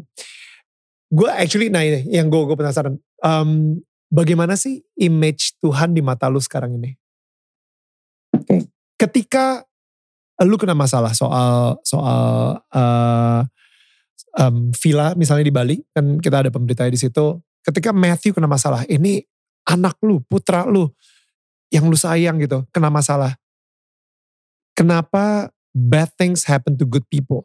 Kenapa Tuhan mengizinkan itu terjadi sama hidup kalian? Padahal, you know, you guys are good. You guys are like, you know, harmony family. Nah itu Daniel udah menjawab sebenarnya. Why? Very good question. Gue orang yang believe filter uh, filter filter apa filter apa? Gue believe tuh saringan filter. Okay. dalam setiap stages of life lu. Mhm. Dalam kehidupan kadang-kadang lu bisa lalai melihat yang gue bilang tadi circle lu, Oke, pilihan teman lu, right. tapi secara holistik dia adalah manusia yang baik. Oke. Seperti Daniel bilang tadi, you're beautiful family. Kenapa ini terjadi? Iya, kenapa Tuhan ngizinin Iya gitu? kan? Tuhan nggak ngizinin. Tuhan memfilter Matthew, memberikan memberikan ujian naik kelas kepada Matthew bahwa hey look Matthew, hey your circle is not nice, your Yeah. pattern is not nice, Yeah. you don't go sport and these things happen. It's make your parents sad. Hmm. Gua waktu kejadian eh, Dan waktu kejadian Villa tidak banyak orang tahu sebenarnya perdatanya gua menang. Hmm. Tidak banyak orang tahu bahwa itu udah selesai. Oh wow. Gua nggak expose itu karena for me buat apa gue expose? Right. For me bahwa kalau orang ngomong ada segala macam gue bilang ya enjoy the infotainment maybe gue bilang anak bukti gue tahu kok semuanya ini ini ini ini tapi banyak hal yang gue nggak bisa sebutin karena sensitif gitu loh. Cuman for me sekarang gini loh banyak orang nggak tahu kalau sekarang gue kasih tahu kepada orang kok bisa ya orang ngebeli kok jadi victim. Oke. Gue oke, it's happen only in Indonesia gitu loh. Lalu jadi artinya tapi akhirnya eh, waktu kejadian itu gue ada satu eh, fundamental with my lawyers, which is I like my lawyers. Dan gue bilang gini, biarin. If we believe we are right, let it happen. Akhirnya ya hukum yang menentukan. Pengadilan beres semuanya selesai. Kalau ada riak A, riak B, ya dan namanya juga selebriti. Dan lu Hmm. dipanggil lah, inilah. Oh, Of course. Of course. ya kan? Gue selalu eh, apa namanya ngelihat apa ya bahwa kadang biar waktu yang menentukan, tapi gue membilang kepada orang, gue kategori yang happy happy eh, vibe. I will articulate anything for happiness karena I was grow up in the happy industry. Hmm. Hmm. Dari umur 23 gue ada di showbiz, Hmm. gue udah press conference, wartawan banyak tanya, Pak ini kenapa nggak dikasih? Untungnya apa sih kalau gue mengkomunikasikan? Mencari pembenaran seperti orang-orang lain Hmm. yang tidak ada habisnya akhirnya mereka di label. Hmm. Tapi kalau lu tanya bapak lagi ngapain, bikin film, bikin ini, bikin I'm more than happy to share that. Hmm. Karena memang nature-nya gue, gue di grooming besar, punya segala sesuatu dari itu. Ngapain gue going to the destructive way? Gue bilang. Ya. Itu fundamental yang kita eh, jaga di keluarga kita. Negative thought, that's belong to you, not belong to us. Gitu. Hmm. Dan kita gue nggak perlu mencari pembenaran negatif lagi yang untuk bahwa membela. No need, biarin aja sistem atau situasi atau waktu yang membenarkan justifikasi tersebut ya selesai. in the in the Thomas family eh, apa satu hal atau mungkin dua hal terserah yang benar-benar nggak akan bisa lu kompromi. That's like one thing untuk untuk untuk anak-anak lu khususnya gitu ya. Kayak Drugs. this is the drugs. Drugs ya. I'm don't, uh, I don't like drugs because drugs is killing you, Right. make you stupid, make you not productive, screwing your futures, and then um, uh, two things.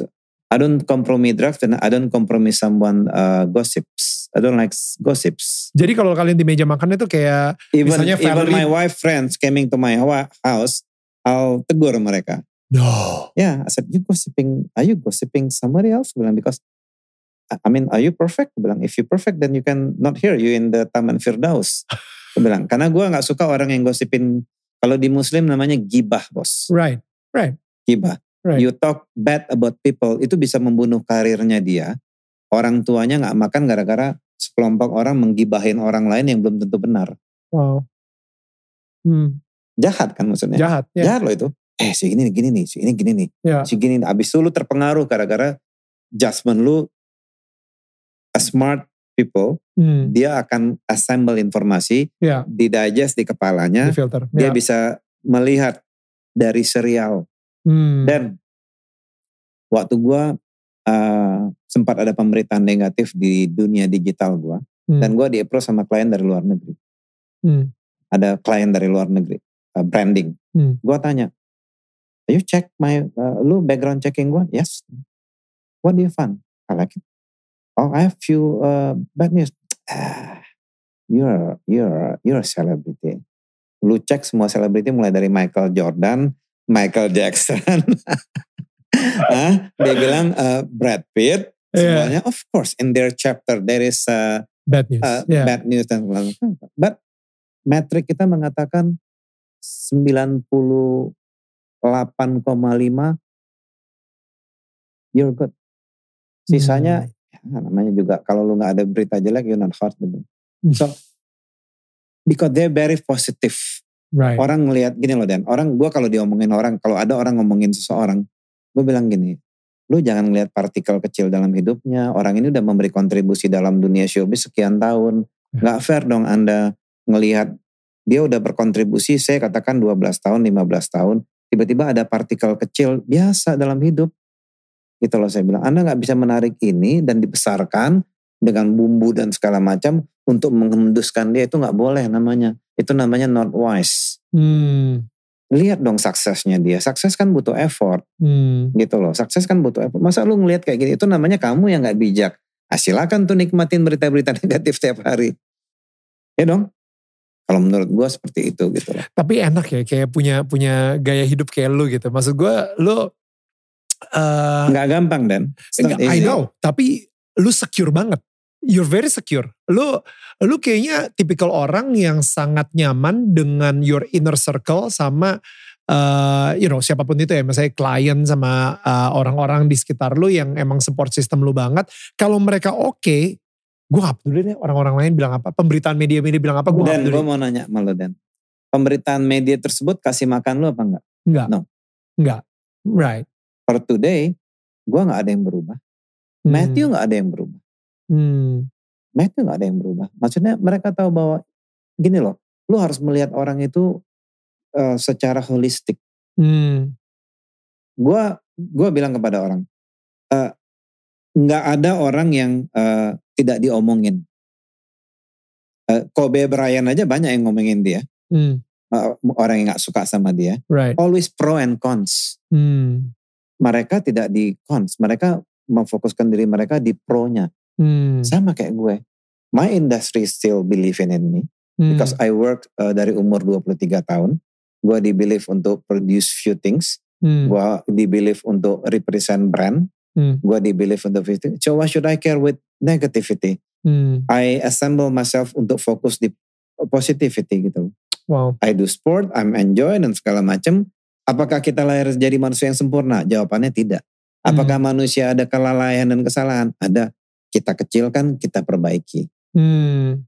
Hmm. Ya dong, Den? Gak ada manusia lahir sempurna. Dan kalau ada manusia sempurna, kita udah terbang-terbang pakai pakai baju putih di sana, Dan. Gitu loh. Makan, tidur, gak mikirin bayar listrik, PLN, dan segala macam. Main kecapi dia. ya kan? Santai gitu. Gue juga pengen gitu loh. Tapi, look, life is life. We have to be very realistic. Dan ingat loh, gue punya satu punya satu pendapat yang gue share kepada orang. Andai kata kita dilahirkan dengan kesempurnaan, kita tidak akan berada yang namanya dunia ini. Karena kita dilahirkan dengan tidak sempurnaan lah, kita ada yang namanya kelalaian dan kesalahan. Tapi lu lihat dong, lihat makanya gue bilang, kita bukan orang jahat. Karena kalau orang jahat bukan di sini tempatnya. Hmm. Mereka tempat bandit di mana gue nggak tahu. Tapi gara-gara lu manusia kan biasa ada yang namanya kelalaian. Itu namanya hidup kok di jalan aja. Ah, gue nggak tahu apakah lu pernah accident atau naik motor jatuh dan segala macam. Is that what you want? Of course not. Of course not. Ya. Apakah ada orang mau seperti gini? Of course not. Ada kejadian. Tapi look, then a lot of bad people outside. Lu buka pintu rumah lu, a lot of bad people. You just need to accept that and understand bahwa ini kehidupan seperti ini. Ya lu protect, lu seal diri lu. Hmm. Hmm. Lu, iya dong, lu gak bisa bilang bad people, oh lu gila lu ya lu. gi-" No. Dan gak bikin lu jadi takut keluar juga because there's Enggak. so many bad people. Exactly. Justru uh, itu adalah pilihan lu untuk to create that boundaries. Hal satu-satunya yang bisa memenangkan diri lu terhadap tersebut cuma satu yang namanya karya dan prestasi. And a few good people or apa namanya trust you. Itu kan lu udah punya. You work berapa tahun Daniel di RCTI? Ya, udah ini udah hampir 20 tahun, right, di entertainment. Exactly. Hmm. Kalau ada orang kasih negatif terhadap Daniel, ya berarti Anda orang negatif. Hmm. Uh, Company like RCTI yang kasih makan gua juga dari Hmm. gua nothing dari belum Pak Hari sampai Pak Hari segala macam gua survive. So why should I care with people yang always negative about me? Hmm. My client support me, I have few uh, upcoming project yang orang look up ke me. Kenapa lu mesti taruh your thought terhadap orang yang mau drag you down? Hmm. Just, just give me one reason kalau lu kejebak di sana berarti ya Anda kurang pintar, kita kurang pintar gitu loh. Hmm. Dan gue juga bilang ke anak gue, so, pengendalian energi itu penting. Hmm. Pengendalian orang yang, gue baru lihat wawancaranya bekas pacarnya Justin tuh siapa namanya? Cewek itu yang uh, Selena Gomez. Hmm. Sekelas Selena Gomez aja bilang, a lot of people trying to drag me down, put me down in anything. But look at me, dia bilang. Jadi artinya ya, ya gitulah. Dan maksud gue itu opsi semuanya, pilihan, opsi. Dan uh, I don't know. Itu ya customize dan itu dari proses pembelajaran. I like that so much. Gue gue personally uh, ya yeah, in conclusion uh, gue ngerasa Tapi lu nggak lu nggak expected pembicaraannya seperti ini ya? Enggak, right? Okay, I know it. and I love it. And Of I love course, it. yeah. And it's it's beautiful. This is my second uh, podcast. Pertama podcast gue yang pertama tuh sama Sanjay. oh, ada dia. Ada. Dan Okay. dia juga bilang, you know what? Dia bilang, I think my perceptions after this with you, gue bilang, yeah because because you need to get, you need you get uh, need to get- know me more, gue bilang, Hmm. by chat, by talk, because gue orangnya beda, sangat beda. Misalnya outer skin gue dengan real gue beda. Even bini gue aja bilang beda. Iya. Beda, karena bini gue bilang, kalau bini bilang, lu kuno ya orangnya. Kuno apa namanya? Konservatif lah. udik konservatif. Gue bilang yes, but I like that. Ya. Itu yang membuat gue sekarang apa namanya survive for today. And And- it's unique. It's uniquely you. Iya, gitu kan? I'm lefty. Oh, you were lefty? I'm lefty. oh, snap. Okay. I'm lefty, so maybe mungkin ya. Gue percayalah sedikit karena gue Google kan. Oh, Oke. Gitu. Ah, ah, gue suka lu udah mulai membagikan um, wisdom uh, di Jeremy Thomas TV juga gitu. Lu sama Ina udah mau mulai ngomongin about your marriage and uh, ada beberapa vlog-vlog lain yang menurut gue ah gila ini sih mahal sih. You know. Iya, eh, gini loh dan eh, karena gue punya pengalaman, gue memberikan sesuatu pengalaman yang sudah gue lalui. Misalnya pernikahan nih, gue bisa bicara mengenai pernikahan gara-gara banyak Betul. pengalaman dan Iya. gue juga banyak pasangan yang gue nasehatin. Eh, in fact, sutradara gue datang minggu lalu minta tolong ke gue ke rumah. It's almost divorce, selamat gue happy. Wow. Jadi istrinya ngomong ke Ina, suaminya ngomong ke gue. wow. Lalu ada teman gua yang dia nyaris, itu juga gue bilang. And then the keyword sebelum gua mereka tuh ngomong, gue cuman tanya kepada mereka gini. Udahlah, masalah ini semuanya klasik. Perkawinan tuh cuman tiga, empat masalahnya. Uang, because economic will damage everything. Betul. Affair, Hmm. karena uang juga. orang ketiga ya parents. Ya, parents salah satu dan mungkin anak. Hmm. Hmm. Anak yang bikin, lu ngerti gak? Ya ya ya. Ini cuman nggak lari ke mana-mana kok. Dan ini semuanya klasik. Orang mati meninggal sampai tua sampai 2000 ti- tahun 3000 ini akan problemnya di sini-sini aja. Economic will screw everything, Hmm. especially this pandemic. Ya. Pandemic ini membuat orang hancur secara ekonomi, hancur secara mental, hancur secara stres, hancur secara semua-semuanya. Ya.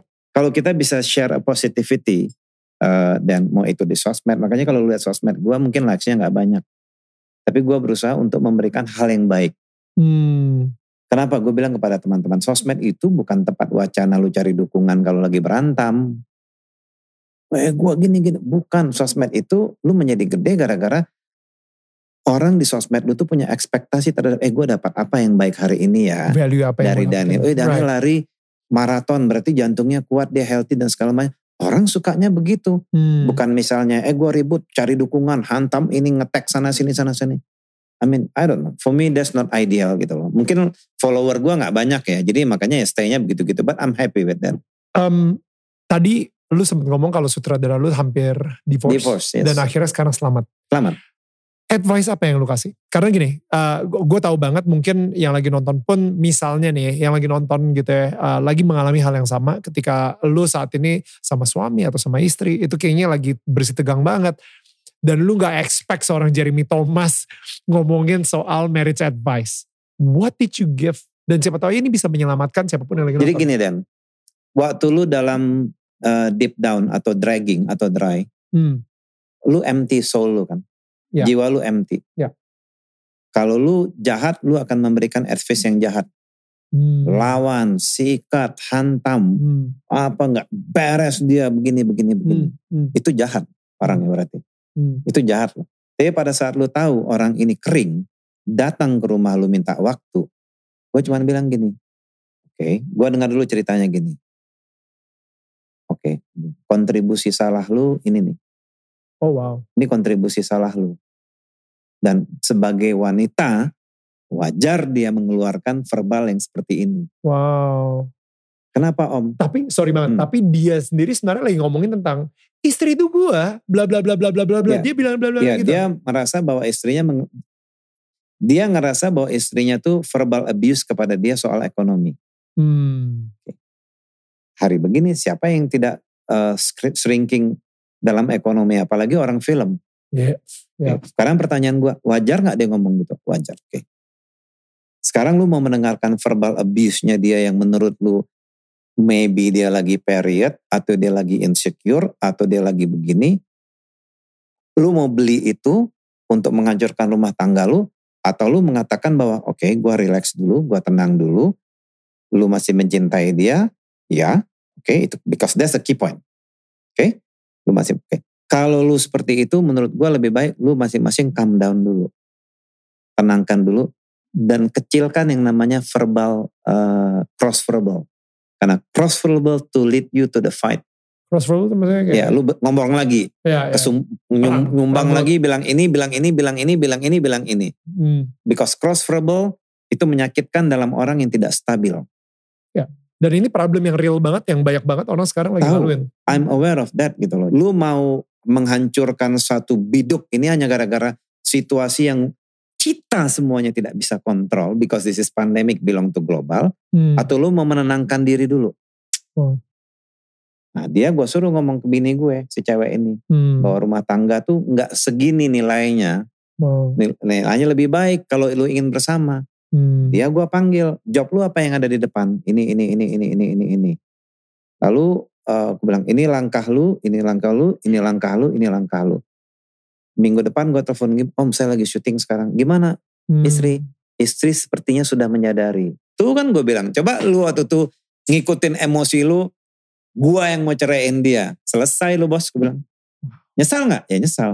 Kalau lu bisa memberikan kebaikan kepada orang for free, kan for free. For me, orang datang ke rumah gua, nggak ada kosnya, Ya. ya. tapi kan dan bisa jadi nanti anak gua dibantu orang.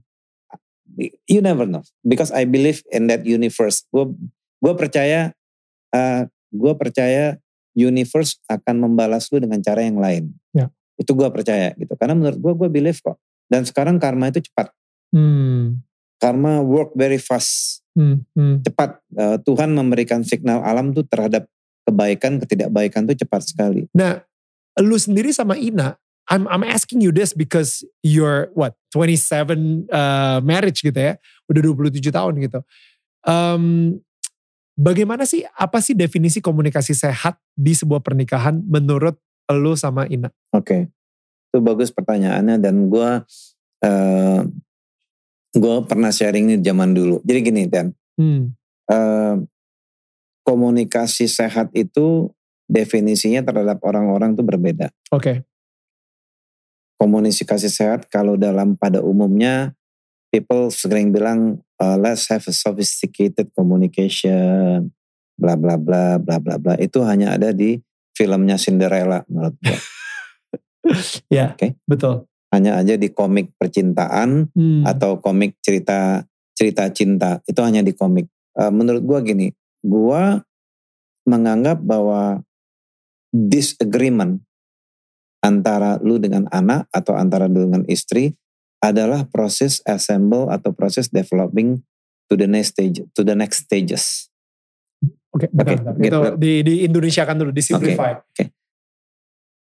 Disagreement itu artinya apa ya? Eh, Ketidak ketidaksetujuan eh, atau ketidaksetuju- argumentasi. atau- ketidaksetujuan atau ya ketidaksetujuan menimbulkan argumentasi terhadap sesuatu Mhm. terhadap anak gua Valerie dan Matthew ataupun Ina Hmm.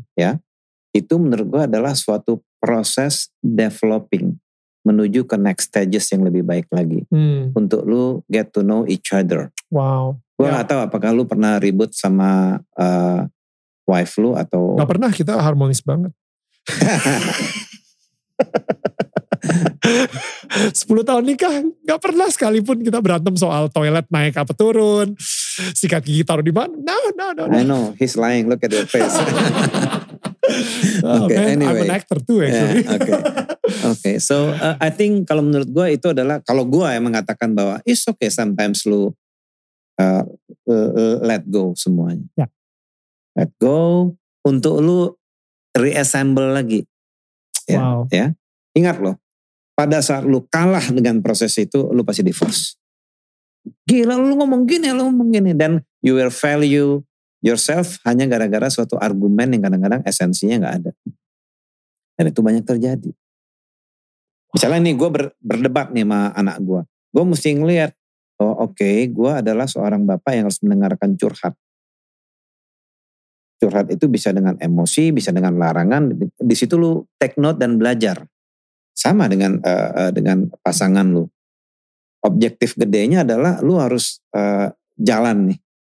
Tapi pada saat dalam proses itu kan kadang ada yang namanya eh, apa namanya eh, argumentasi pasti ada nggak mungkin bos. Gue justru pernah ketemu teman gue yang eh, 17 tahun nggak pernah ribut sama sekali divorce.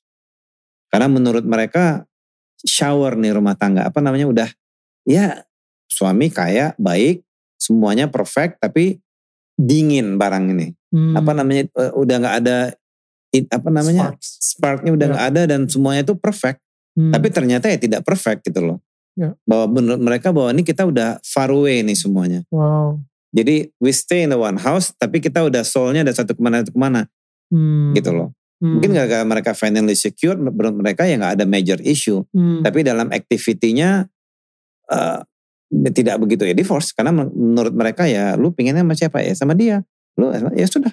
Gue sempet nonton interview lu sama Melanie Ricardo dan lu bilang gitu bahwa actually kemarinnya gue masih berantem sama Ina. Dan itu lu udah 26 tahun married gitu ya misalnya berantem kan gini loh. Eh, eh, eh, argumen argumen dalam arti kata apa ya eh, gini eh, kita di dan, eh, keluarga kita we are very outspoken gitu loh. Hmm. jadi kita ekspresif ya? eh iya dibilang ekspresif tapi kita sangat apa namanya kita sangat eh, ya mengatakan sesuatu yang eh, harus dikatakan tapi menurut gue itu jauh lebih baik daripada dipendam. Karena memendam sesuatu itu akan kayak bendungan kayak pasangan yang gue bilang tadi. Hmm. 17 tahun dibendung boom selesai. Ya. tapi kalau lu kalau lu misalnya gini lah bos. Lu bangun rumah masa hanya gara-gara rumah lu bocor di sininya lu ambil bulldozer lu robohin. Lu fix dong. Tik tik tik tik tik tik. Kerannya bocor lu fix. Tik tik tik tik tik listriknya mati bolamnya masa gara-gara bolamnya mati kerannya abis itu lu ambil bulldozer lu ratain kan enggak you have to fix. Kan tidak ada sesuatu look Daniel lu lahir dari keluarga background yang man, yang istri lu sekarang nggak tahu eyang-eyang lu seperti apa lu Hmm. juga nggak tahu lu carry genetik yang seperti apa. Tiba-tiba lu bertemu dalam satu tempat tidur dan mengikatkan janji nikah. Lu pikir lu akan seribu persen sepaham sehati. I don't think so man. Hmm. I don't believe that. Hmm. Nah, di proses tersebut lu punya objektif gede kan? Hmm. membesarkan anak-anak lu dan segala macam segala macam. Ya lu mesti manage. Dan manage itu tidak ada seperti buku Cinderella yang mengatakan Hi honey how are you? Everything with you. Nggak ada. Percaya gue.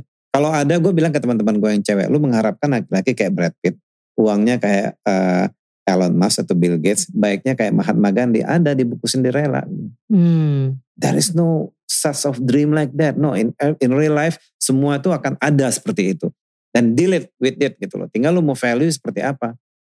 Kalau Hmm. lu value-nya gara-gara wah gue tersinggung. Oke. Nanti lu ketemu orang baru lagi tersinggungnya tempat lain lagi. Wow. Ya betul. Gue setuju. Dan maksud gue gini. Kita eh, pas lagi single. Itu kita mungkin mempunyai impian. Ya gak sih? Istri ideal itu seperti apa? Kita mempunyai target mungkin. Oke gue mau nikah eh, nanti ketika gue umur segini. Kita mempunyai eh, cita-cita gitu atau you know oh nanti kalau misalnya gue udah nikah gue akan bahagia sama dia kita akan pergi keliling dunia dan you know sama si laki-laki sempurna atau si perempuan sempurna ini ketika kita nikah semua yang tadi gue bilang itu menjadi sebuah ekspektasi Hmm. you know, gua expect you give me all that. You know, yang tadi lu bilang kayak, well, gue expect suaminya bakal kayak Brad Pitt gitu atau sekaya Elon Musk. Which is like, what? Ini ternyata ketika lu menaruh kebahagiaan tersebut di pasangan uh, your future pasangan gitu ya atau uh, pasangan akan datang atau misalnya lu menaruh kebahagiaan uh, di pasangan lu, di even di suami lu atau di istri lu, men lu nggak akan pernah bahagia sih.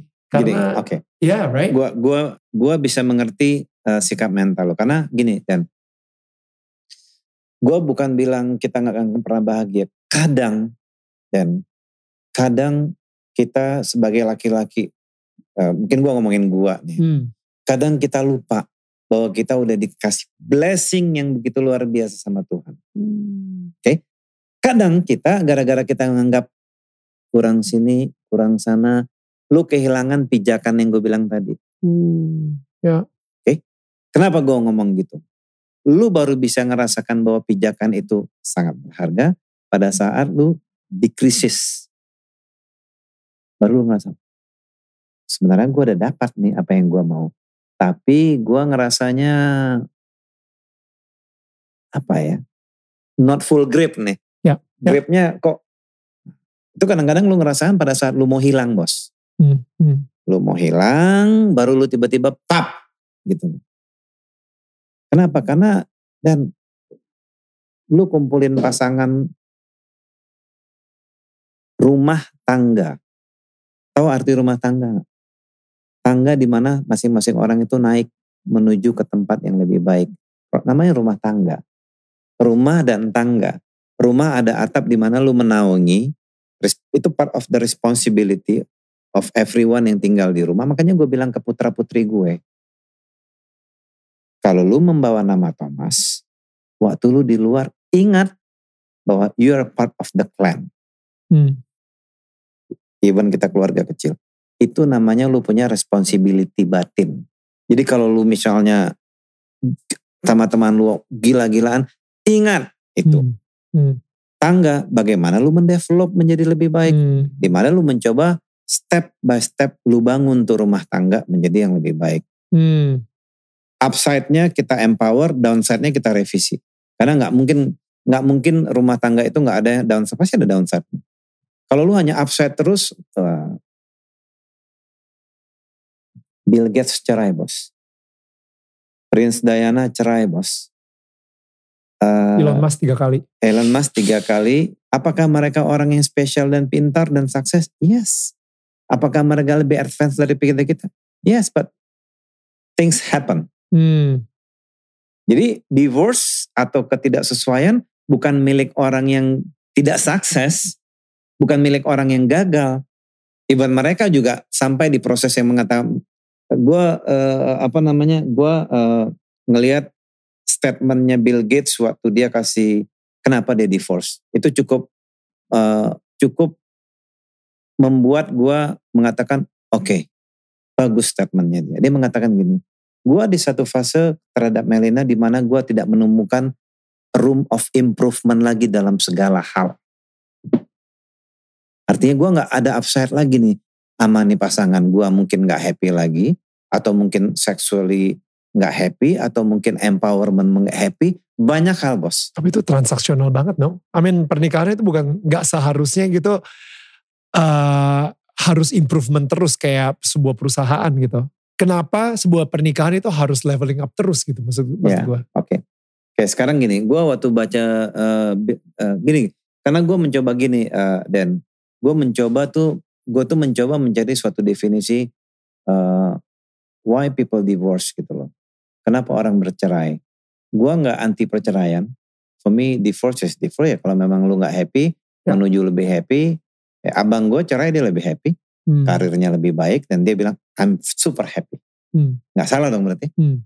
Banyak orang yang menikah tapi nggak nggak develop, nggak evolve namanya. Oke. Okay.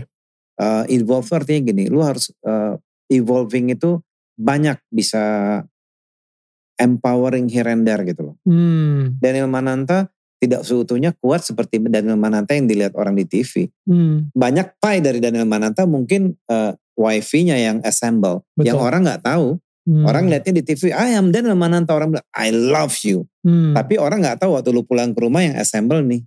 so good.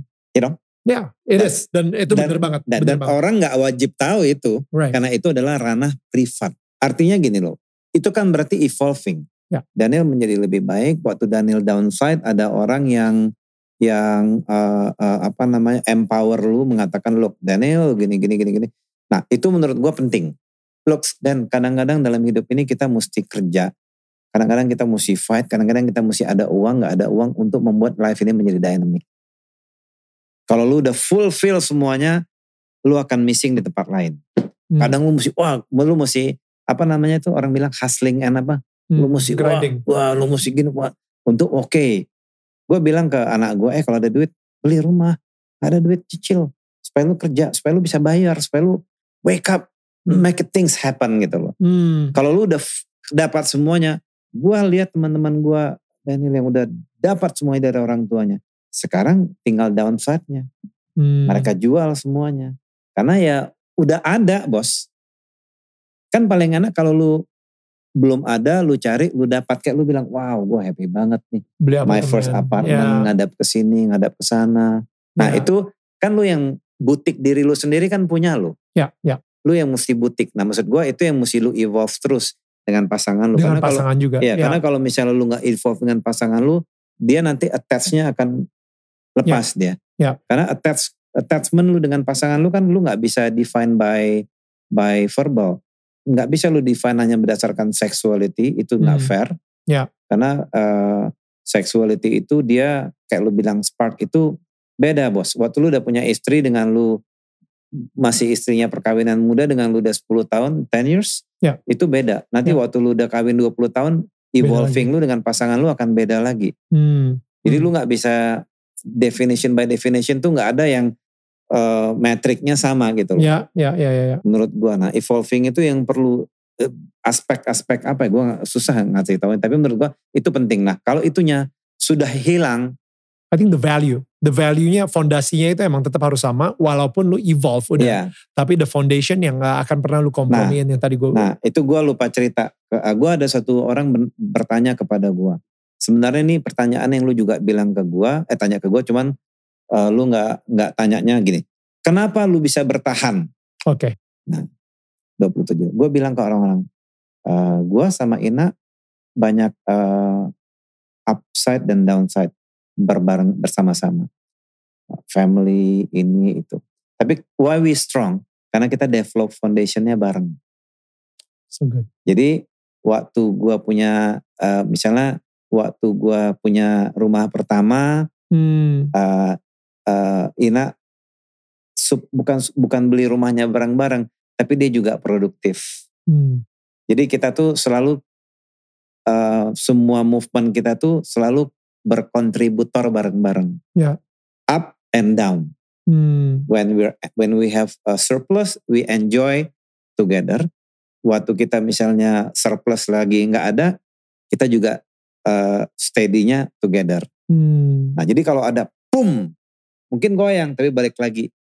Pum, mungkin goyang mesti balik lagi. Dan itu kebetulan waktu yang membuat kita seperti itu. Bukan because we are good, tapi waktu yang membuat kita mengantar kita.